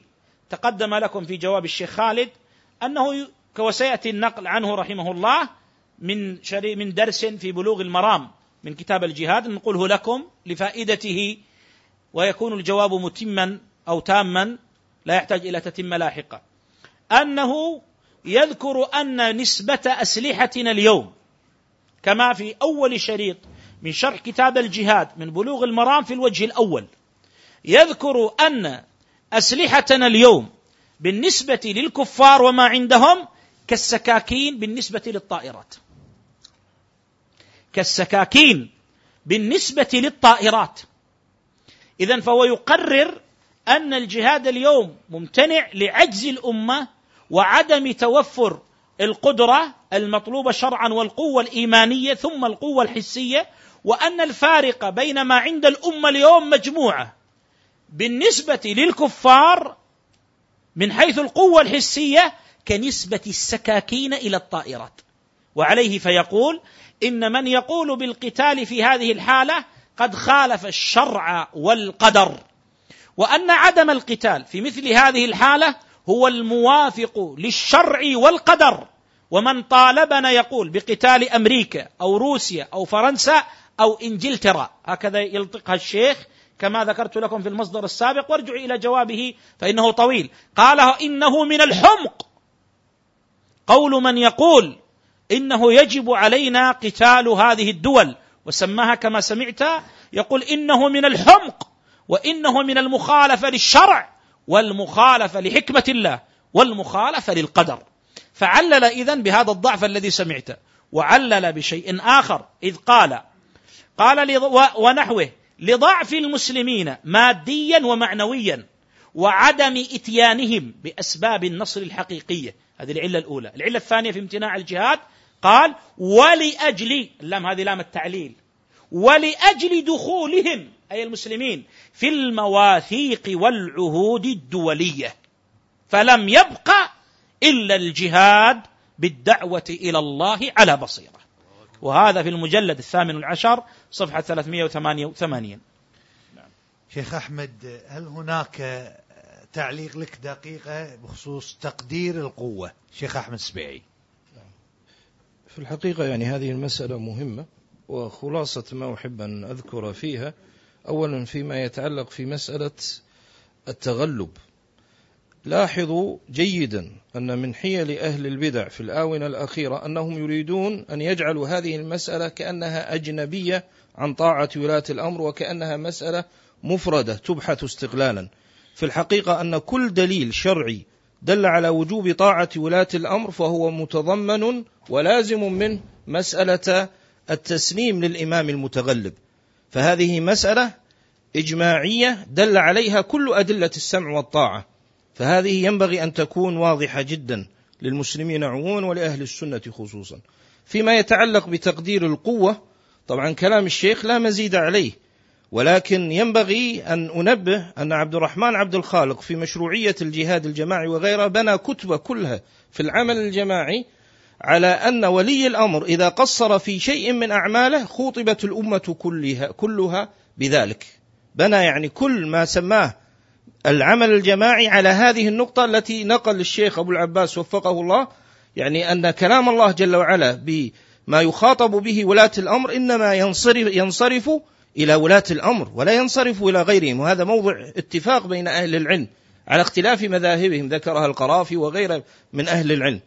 فالمقصود أنه بنى أمره على نقيض هذا الأمر. فهذا أمر مشترك بين كل الجماعات يريدون هذه الهمجية والفوضوية بحيث أن كل إنسان يتخذ قرار من اختصاصات ولاة الأمر. ما تقدير الجهاد مرجعه لولي الأمر وللعلماء. هذا الذي دلت عليه الأدلة الشرعية فينبغي التنبه لذلك ومجاهدة يعني مثل هذه المذاهب بكل قوة حتى لا تراق الدماء وحتى لا تزيد الفتن. نعم. آه شيخ أبو العباس هناك من يقول بأن الجهاد اليوم خاصة يعني آه، جماعة القاعدة وما شاكل ذلك يقولون بأن الجهاد اليوم فرض عين على كل مسلم. وأيضا هذه أطروحة كما ذكر الشيخ آه، أحمد السبيعي الآن أن هذه منهجية عبد الرحمن عبد الخالق عندما قال إذا امتنع الإمام من إقامة الواجب وجب على أفراد الأمة القيام بهذا الواجب. فهذه الروح بثت في صفوف أبناء الكويت بكتابات عبد الرحمن عبد الخالق التي قامت جمعية إحياء بتوزيعها حيث قال إذا امتنع الإمام وجب على أفراد الأمة القيام بهذا الواجب. السؤال الذي أوجهه للشيخ آه، أبو العباس أنا هذا الاستطراد حتى تصل إلى مرادك ها؟ جيد. الشيخ عبد الرحمن عبد الخالق قال ما قال وكذلك القاعدة اليوم يقولون بأن الجهاد فرض عين على كل مسلم. فما هو توجيه العلامة رحمه الله ابن عثيمين حول من يدعو الشباب إلى الجهاد وأنه فرض عين؟ أجاب الشيخ رحمه الله تعالى آه، من بأجوبة كثيرة لكن الذي منها الآن بين يدي يعني ماثلا كأنه يقول خذني في لقاء الباب المفتوح اللقاء الثامن عشر. لما سئل عن حكم الجهاد في زماننا ومتى يكون فرض عين؟ لاحظ السائل يخصص زماننا لانتشار ما تفضل به الشيخ في سؤاله. فقال اولا الجواب اولا يجب عليك أن تعلم أن الجهاد لا يكون فرض عين على جميع المسلمين. لا يكون فرض عين على جميع المسلمين. هذا شيء مستحيل. هذا الجواب الصريح الذي بدأ به رحمه الله. لأن فروض الأعيان معروفة. هؤلاء يجعلون الجهاد مثله مثل أركان الإسلام الصلاة والصيام والزكاة والحج في كونها فروض أعيان بل أشد من ذلك كما فعله عبد الله عزام في افترائه على الشرع لما زعم أن الجهاد أهم من الصلاة. وأهم من باقي الأركان. ورد عليه شيخنا وشيخ شيوخنا العلامة المحدث المسند أحمد بن يحيى النجمي في كتابه المعروف. فعبد الله عزام ألف رسالة بأن الجهاد أهم فروض الأعيان. مو فقط فرض عين أهم فروض الأعيان. ونحن نعلم أن من أهم أن أهم فرض عين هو التوحيد. هو تحقيق لا إله إلا الله. هو تحقيق متابعة النبي صلى الله عليه وسلم بتحقيق شهادة أن محمدا رسول الله. هذا أهم فروض الأعيان. ثم الصلاة ثم الزكاة ثم الصيام ثم الحج. هذا أهم فروض الأعيان عند علماء المسلمين. ولكن عند هؤلاء لا. أهم فروض الأعيان تحرير الأوطان. حتى لاحظ عنوان رسالته. تحرير الأوطان أهم فروض الأعيان. وارجعوا إلى رسالة الشيخ النجمي واسمها الإرشاد في تحقيق أو مسائل الجهاد. فهذه أول مسألة ليس بفرض عين هذا مستحيل يقول ولهذا في صحيح مسلم لما جاء الرجل إلى عبد الله بن عمر جاء فقال له يا عبد الله بن عمر لماذا لا تخرج تجاهد؟ إيش قاعدك هنا يقول؟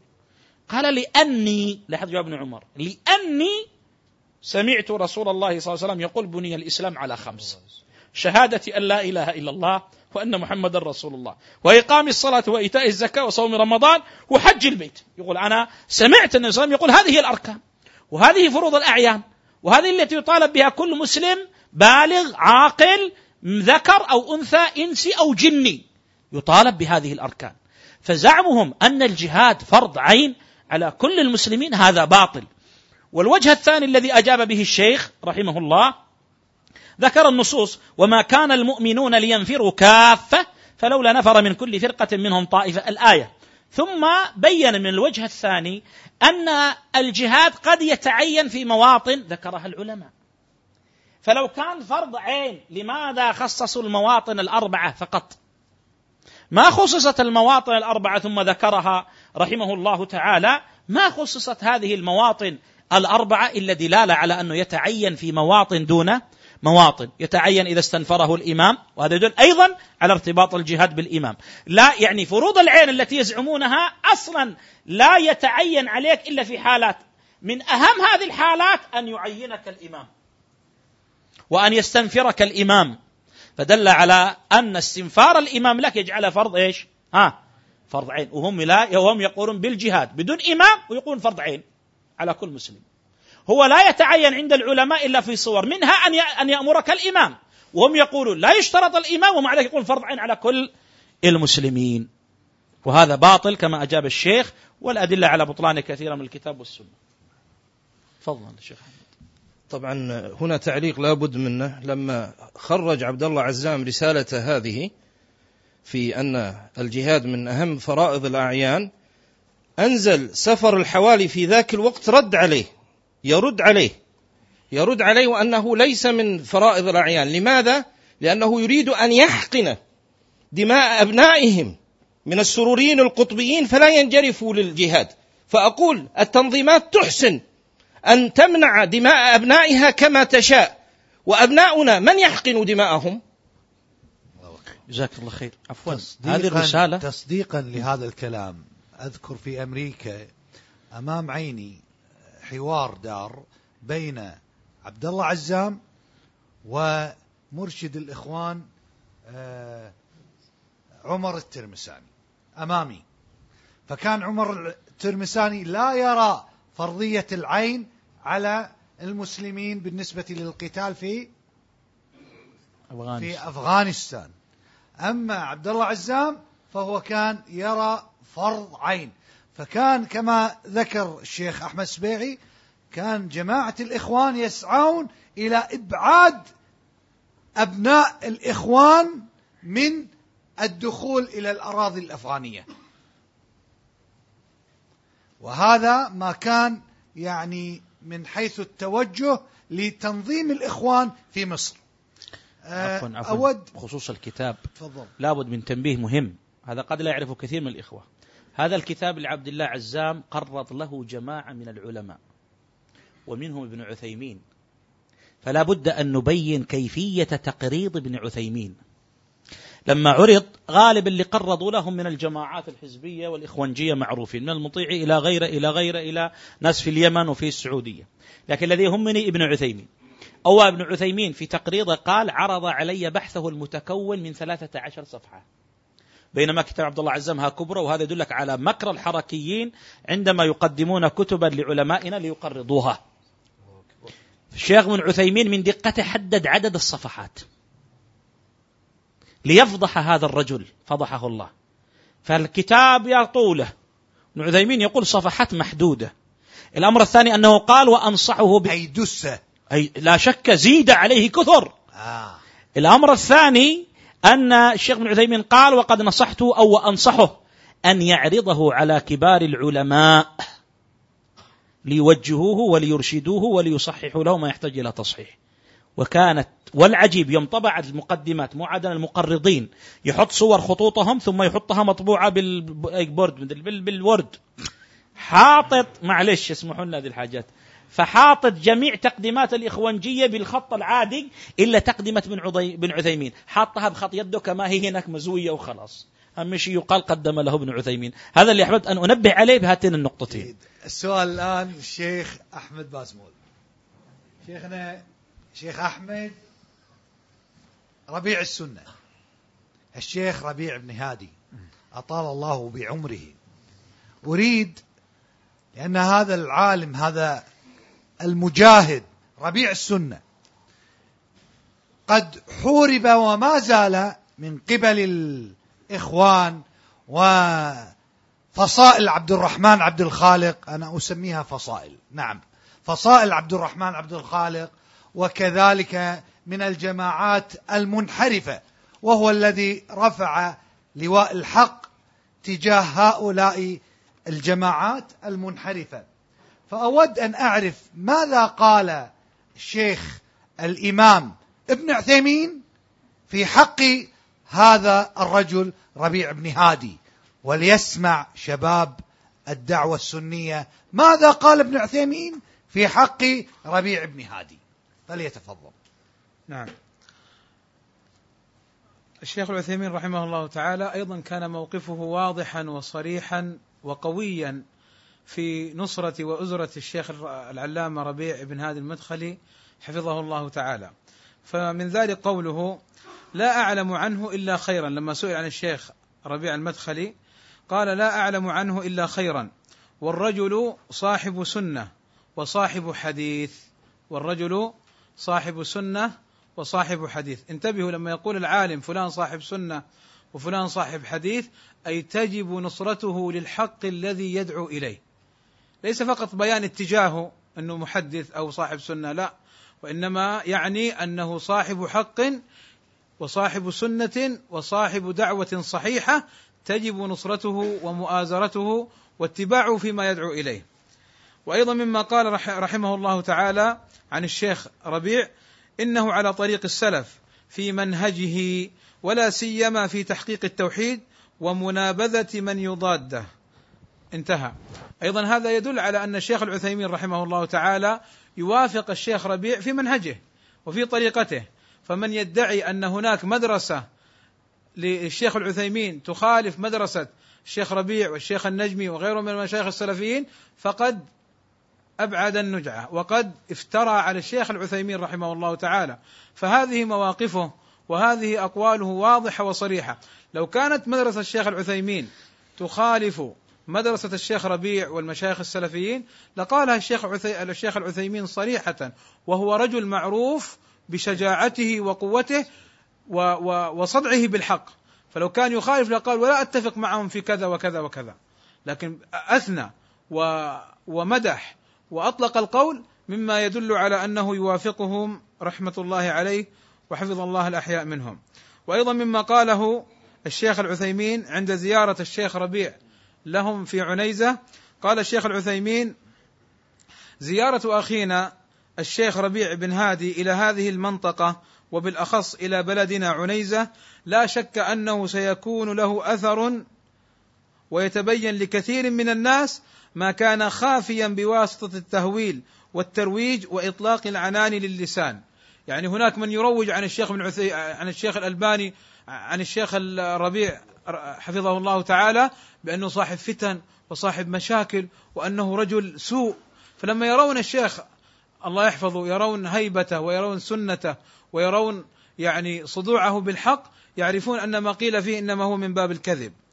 أيضا مما قاله الشيخ العثيمين رحمه الله تعالى دفاعا عن الشيخ آه، ربيع حفظه الله تعالى قال والشيخ ربيع من علماء السنة ومن أهل الخير وعقيدته سليمة ومنهجه انتبه ومنهجه قويم يعني مستقيم منهجه حق.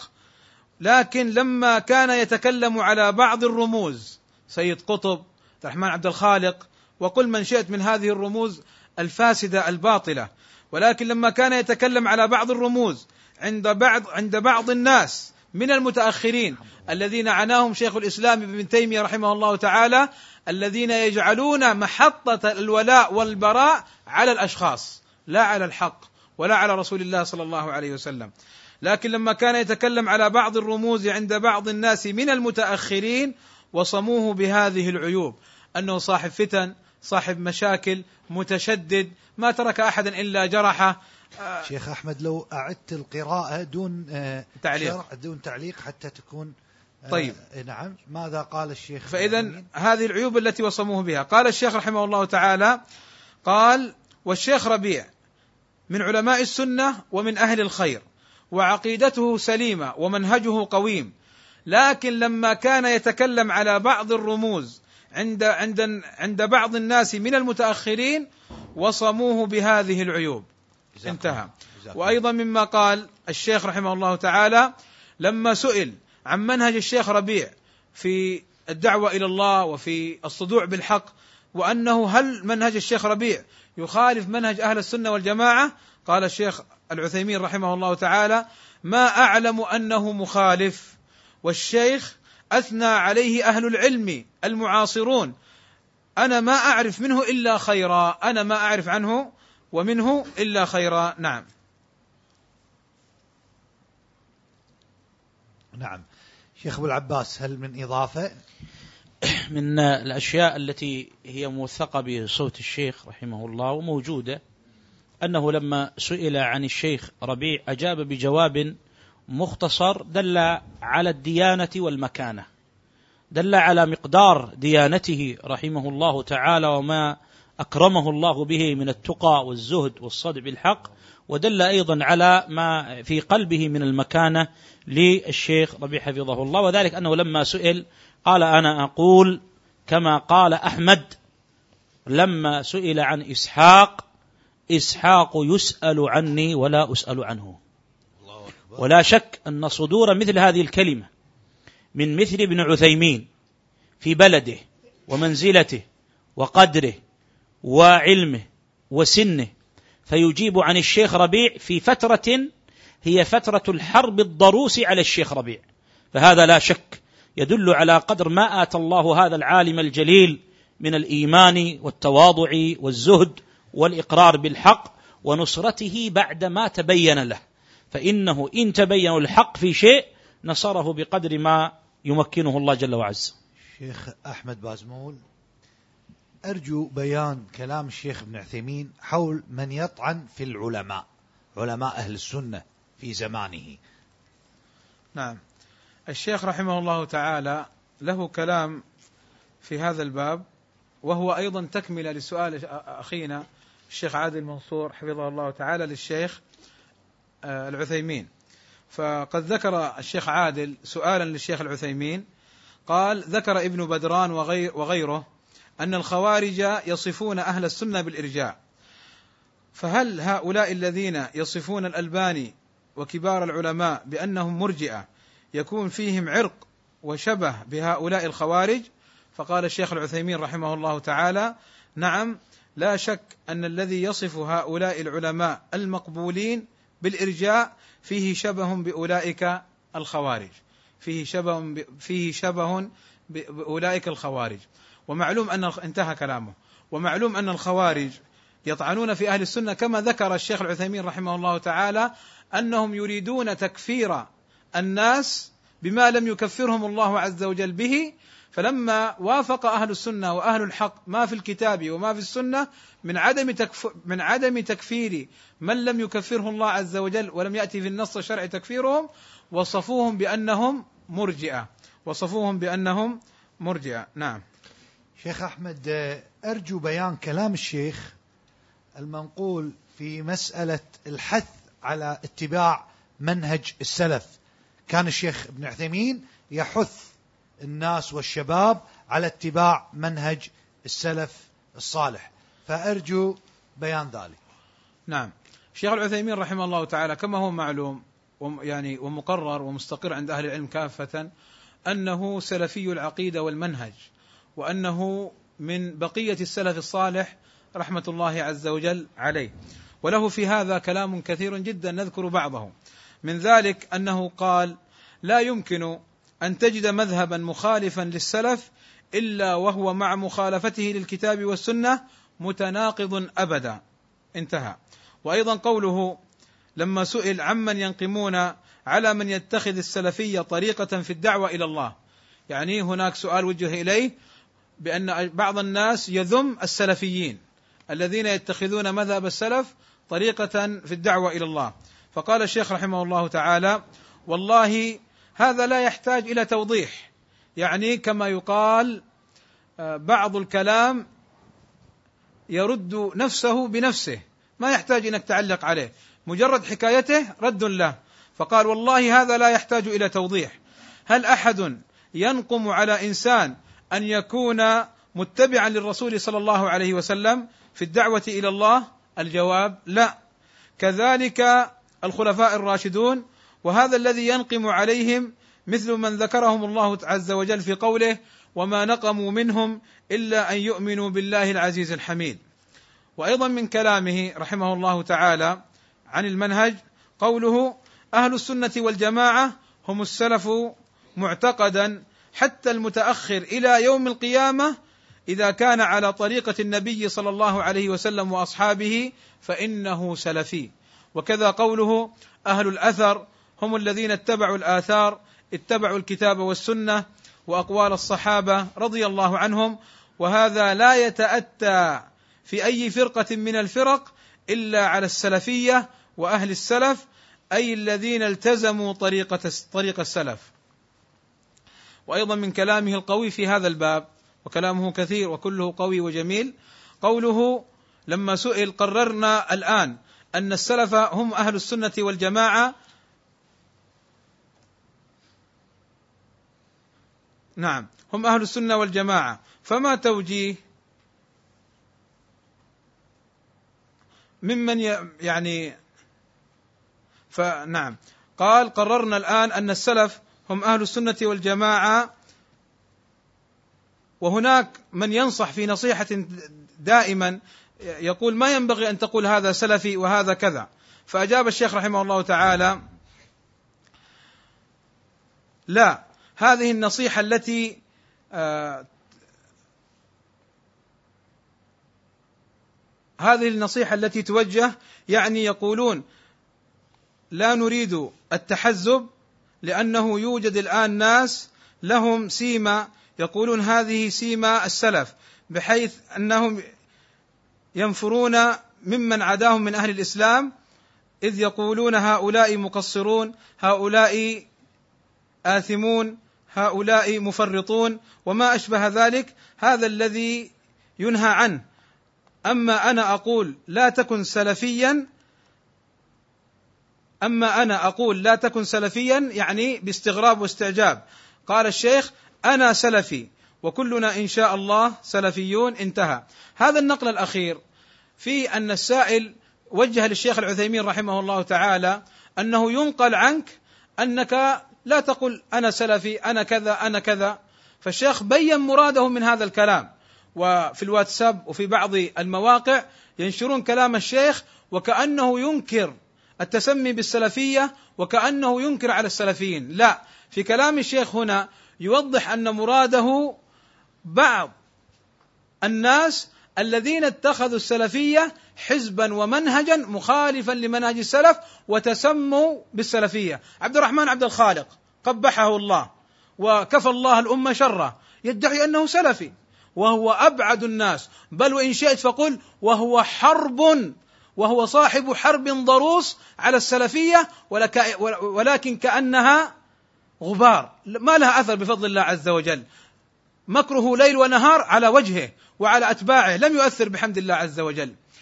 في الجزائر القتلة الخوارج قبحهم الله يقولون نحن الجهادية السلفية. في مصر حزب النور يقول نحن السلفيون.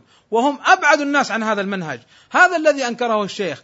أن ينتسبوا إلى السلفية اسما ويخالفونها تطبيقا ومنهجا ورسما. فليست المسألة بالدعاوى إنما المسألة بالتطبيق وبمتابعة السلف الصالح رحمه الله تعالى رحمهم الله تعالى.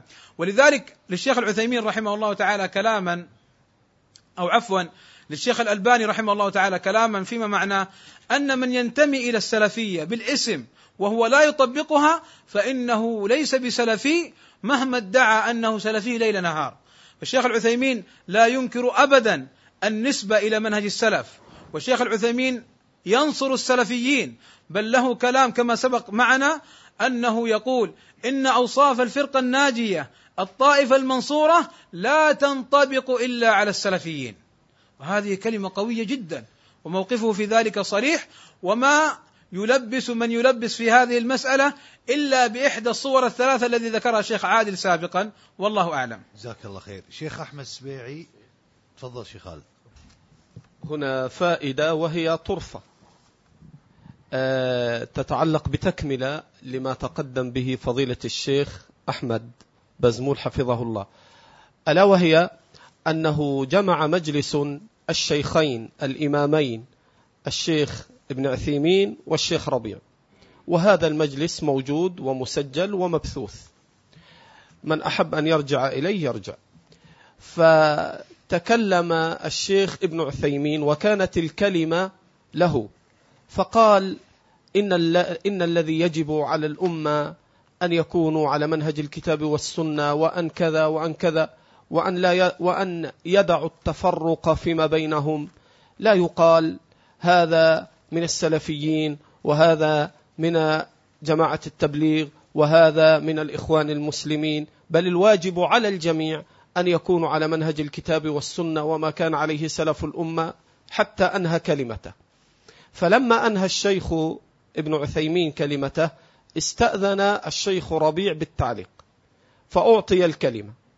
فقال والله الذي أراه أن حشر السلفيين مع هؤلاء هو ظلم للسلفيين. السلفيون هم أتباع السلف وهم الفرقة الناجية فلا يجوز أن يحشروا مع هؤلاء ولا أن يلقبوا بهذا التلقيب كهؤلاء حتى يتوهم أنهم جماعة كهذه الجماعات المنحرفة. فبعد أن أنهى العلامة الشيخ ربيع استدراكه رجعت الكلمة للعلامة الفقيه ابن عثيمين. قال لا شك هذا الذي أعني وهذا الذي أقول وهذا الذي قاله الشيخ ربيع هو لا شك حق وبه أقول. فكان هذا. الآن عندنا فقط خمس دقائق ولا بد أن ننهي آه، اللقاء. الشيخ آه، أحمد سبيعي. هناك من يقول علم الجرح والتعديل قد مات. هناك من يقول بأن علم الجرح والتعديل قد مات. سؤالي هل للشيخ ابن عثيمين كلام في هذه المسألة في مسألة علم الجرح والتعديل؟ طبعا هناك سئل الشيخ رحمه الله هل سنة الجرح والتعديل ماتت وما حكم الرد على المخالف بغض النظر عن شخصيته. فأجاب جواب مطول رحمه الله تعالى وفيه تفصيل. نقتصر منه على قوله رحمه الله تعالى قوله أن الجرح والتعديل لم يمت ولم يدفن ولم يمرض ولله الحمد هو قائم. إلى أن يقول رحمه الله تعالى بعد ذلك فالجرح والتعديل باقيا ما دام النوع الإنساني باقيا.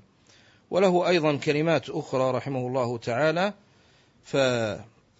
فمثلا قوله رحمه الله تعالى في تبيين يعني مقياس حين سئل يعني عن بعض الدعاة فيريد أن يبين معيارا وميزانا يستطيع المسلم أن يكتشف به داعية الضلال فيحذره. فقال رحمه الله تعالى إذا ذكر الدعاة معايب ومثالب الحكام دون محاسنهم فاعلم أن منهجهم غير سليم. قال رحمه الله تعالى.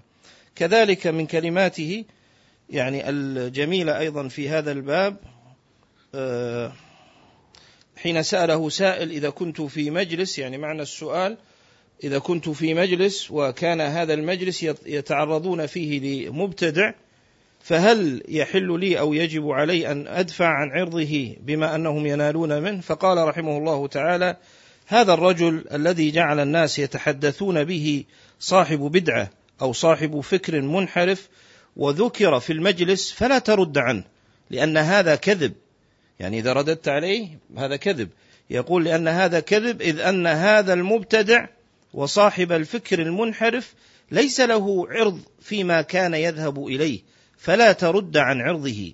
بل قد يكون من المستحسن أن تزيد في ذلك وتبين خطأه في بدعته أو انحرافه في منهجه. ابن عثيمين يقول ذلك. أعد العبارة شيخ عمد يقول رحمه الله تعالى ليس له عرض فيما كان يذهب إليه فلا ترد عن عرضه بل قد يكون من المستحسن أن تزيد في ذلك وتبين خطأه في بدعته أو انحرافه في منهجه.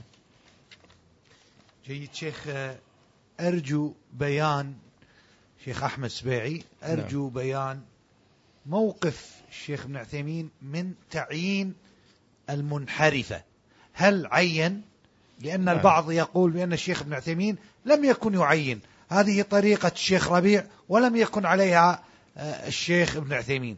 فهل من أمثلة تبين للسامع أنه كان الشيخ ابن عثيمين يحذر من أعيان الناس ويسميهم من بعض أعيان نعم الناس ويسميهم؟ طبعا حصل هذا. يعني ما من مرة اتصل على الشيخ رحمه الله تعالى.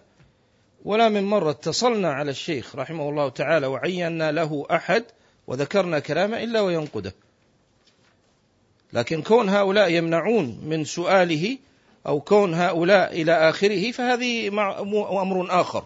وإلا الشيخ رحمه الله عين عددا يعني لا بأس به من هؤلاء حين عرض كلامه كالمغراوي وعرعور والسويدان وسيد قطب والقرضاوي والأبلغ من هذا كله أنه لما سئل عن ذات المسألة يعني مسألة تعيين فأفتى رحمه الله تعالى بقوله إذا كان هذا الرجل موجودا ويأخذ الناس منه وهو داعية فلا بد من ذكر اسمه.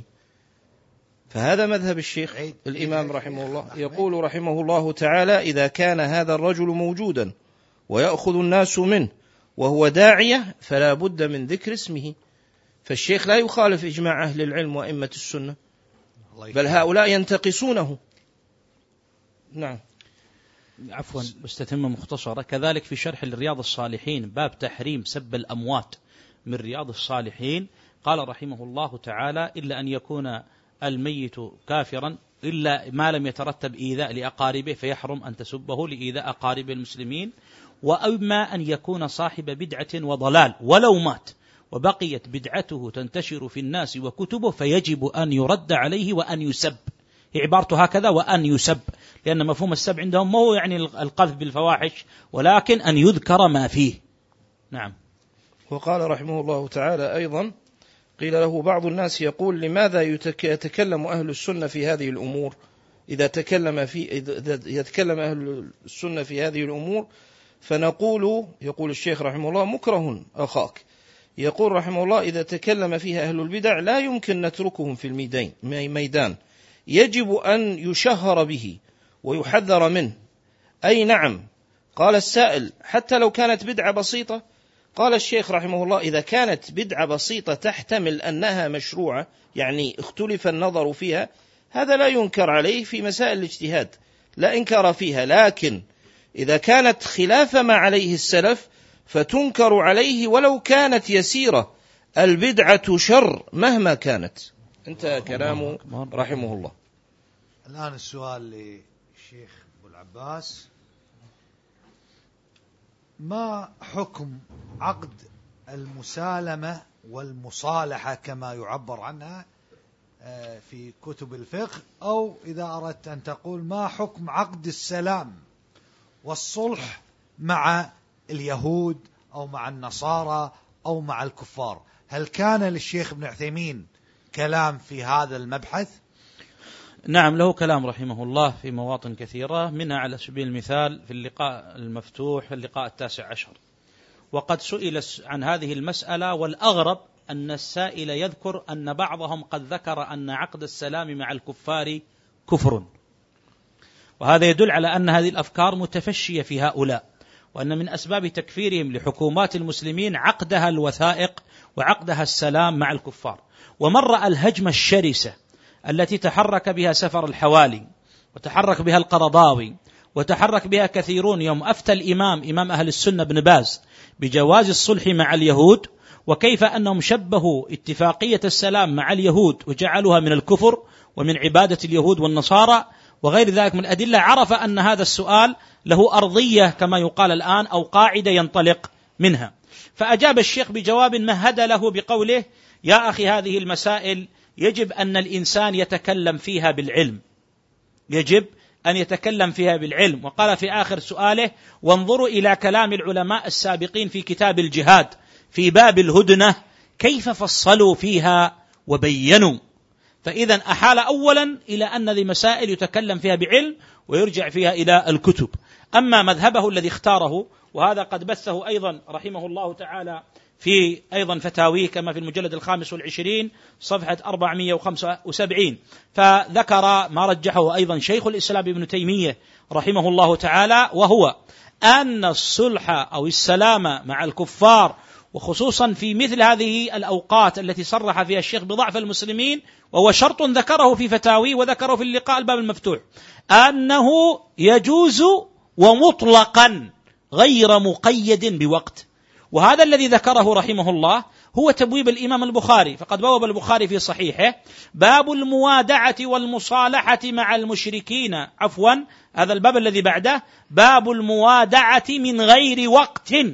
وقول النبي صلى الله عليه وسلم أقركم على ما أقركم الله به. قال الحافظ في الفتح في المجلد السادس صفحة 282 وأما ما يتعلق بالجهاد فالموادعة فيه لا حد لها معلوم لا يجوز غيره بل ذلك راجع إلى رأي الإمام بما يراه الأحظ والأحوط للمسلمين. فهذا الذي شرح به الحافظ تبويب البخاري باب الموادعة من غير وقت وهو الذي اختاره شيخ الإسلام وهو الذي اختاره الشيخ ابن عثيمين رحمه الله تعالى وبين أنه يجب أن للشباب أن تتلقى هذه المسائل من كتب أهل العلم المتقدمين والا يسمع لأمثال هؤلاء من الملبسين والمضللين. شيخ أحمد سبيعي هناك من ممن يقول بأنه من أو أنه من طلبة ابن عثيمين يضعف حديث آه، ستنقسم أمتي أو ستفترق أمتي.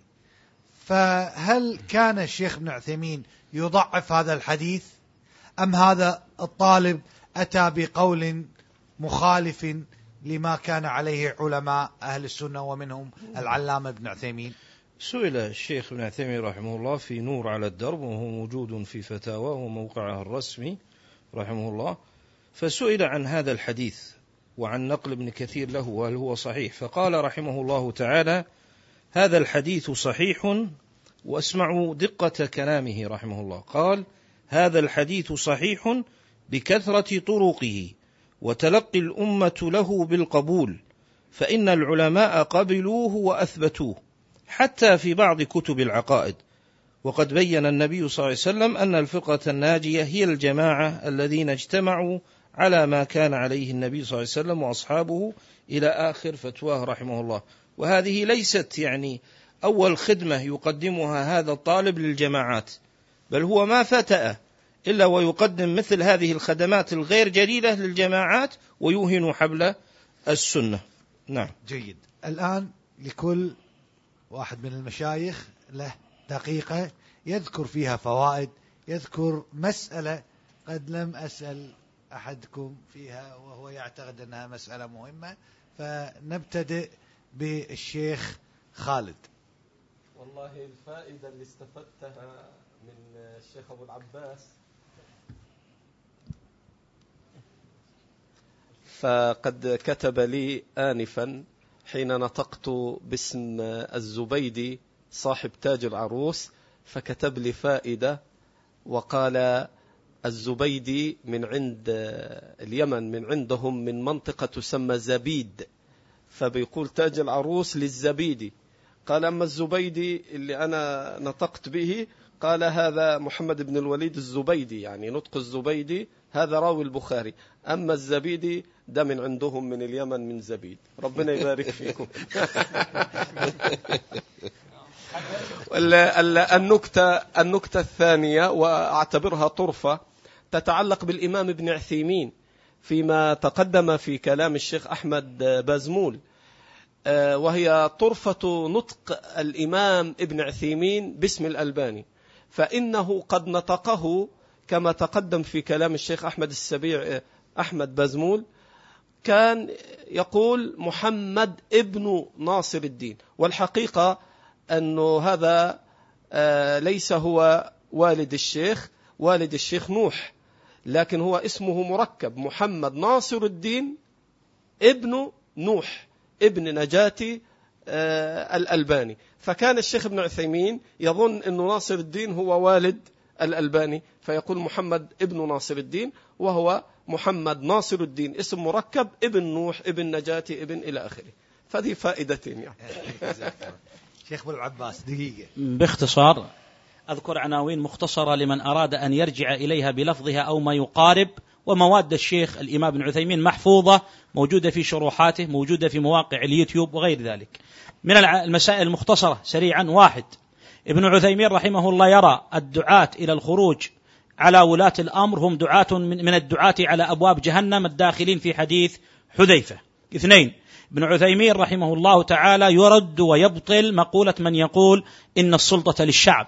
ثلاثة ابن عثيمين رحمه الله يرد على مقولة من قال إن عن السلفيين خوارج على الدعاة مرجئة مع الحكام. أربعة ابن عثيمين رحمه الله تعالى في شرح رياض الصالحين المجلد الثاني 144 يبين معنى الشورى الشرعية وأنها ليست عقد مجالس تكون مشاركة للسلطان في الحكم فضلا عن أن تكون الشورى ملزمة للحاكم. رابع خامسا شيخ ابن عثيمين رحمه الله في شرح رياض الصالحين المجلد السادس صفحة 225 فما بعدها يحذر الأمة والعامة من الخوض في الأمور السياسية. وأن العامة لا يجوز لهم أن يخوضوا في الأمور السياسية فإن هذا من الضرر العظيم والفساد في الدنيا والدين بل يجب أن يكلوا هذا إلى السلطان. ولهذا قال رحمه الله من بعض عباراته إن السياسة لها رجال والصحون والقدور.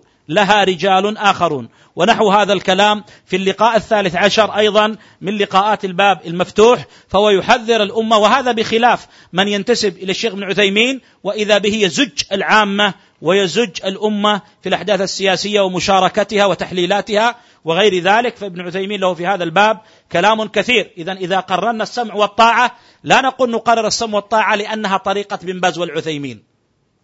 إذا قررنا هذه المسائل التي سمعتم لا كما قال البعض على قنوات فضائية نحن الذين ندعو إلى السمع والطاعة على طريقة ابن باز والعثيمين.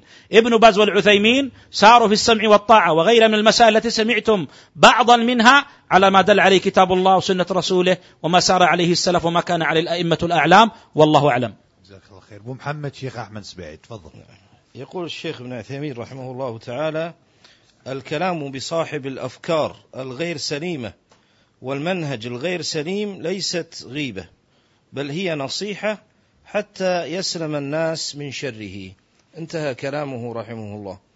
وهنا يعني يتضح لنا جميعا لمن تأمل بتدبر وفتح قلب وإنصاف أن مدرسة الشيخ محمد أمان الجامي رحمه الله ومدرسة الشيخ ربيع هي بعينها مدرسة الشيخ ابن عثيمين رحمه الله في الأصول. إن الذين يريدون أن يفرقوا بين علماء السنة فينبغي أن يواجهوا يعني مواجهة صريحة واضحة بل كلهم يأخذون مشكاة واحدة وكلهم على طريق واحد وهذا أمر واضح بفضل الله تبارك وتعالى. نعم. تفضل الشيخ أحمد بازمول أقول بارك الله فيكم يعني الشيخ ابن عثيمين مثل ما سبق وأن ذكروا الإخوة يعني أمة وعالم يعني من علماء هذه الأمة هذه الجلسة مجرد إضاءات ومجرد إلماحات. مما أريد أن أنهي به كلامي أن الشيخ العثيمين رحمه الله تعالى سئل عن من يرون وجوب الجهاد وعمن يكفرون الحكام وعمن ينصحون بسماع أشرطة السفر وسلمان. هل الخلاف معهم خلاف فرعي اجتهادي أم خلاف في أصل؟ فقال الشيخ رحمه الله تعالى مجيبا للسائل قال أرى أن ذلك خلاف عقدي أن ذلك خلاف عقدي لأن من أصول أهل السنة والجماعة أن لا يكفر أحد بذنب. فانظروا بارك الله فيكم كيف بين أن هذا الخلاف خلاف عقدي ليس خلاف اجتهادي خلاف فرعي يعذر فيه بعضنا بعضا بل خلاف عقدي. أيضا من الأمور التي تتلمح في حياة الشيخ رحمه الله تعالى أنه كان رجاعا للحق. ولا يستنكف ولا يستكبر أن يعلن تراجعه عن خطأ بدر منه. وهذه منقبة له رحمه الله تعالى على قلة أخطائه على قلة أخطائه إلا أنه يعني رجع للحق.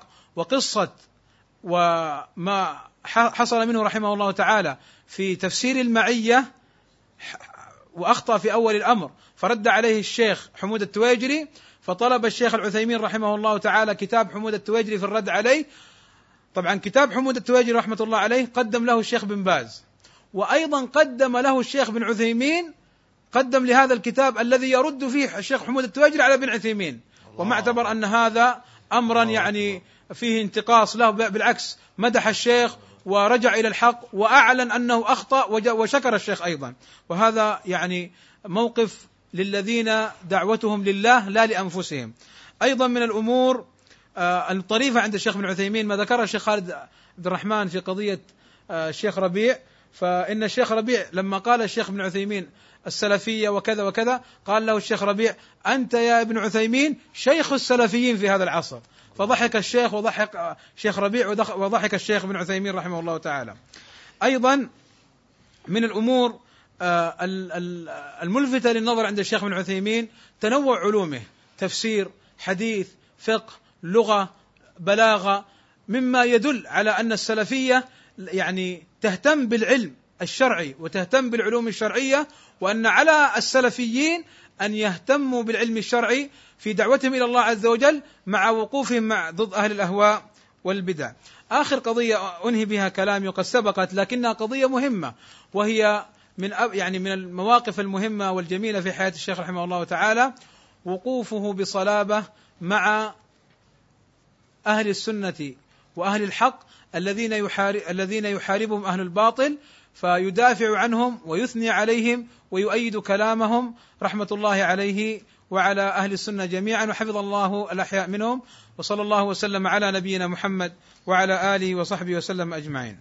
وعندي أختم تكملة شهادة الإمام الألباني ولعلها أرجو أن تكون مفيدة في ختم الدرس ويكمل بعدنا شيخنا العنجري. حين سئل عن مسألة الإمام الألباني سئل عن مسألة المسح على الجورب إذا كان رقيقا غير ثخين.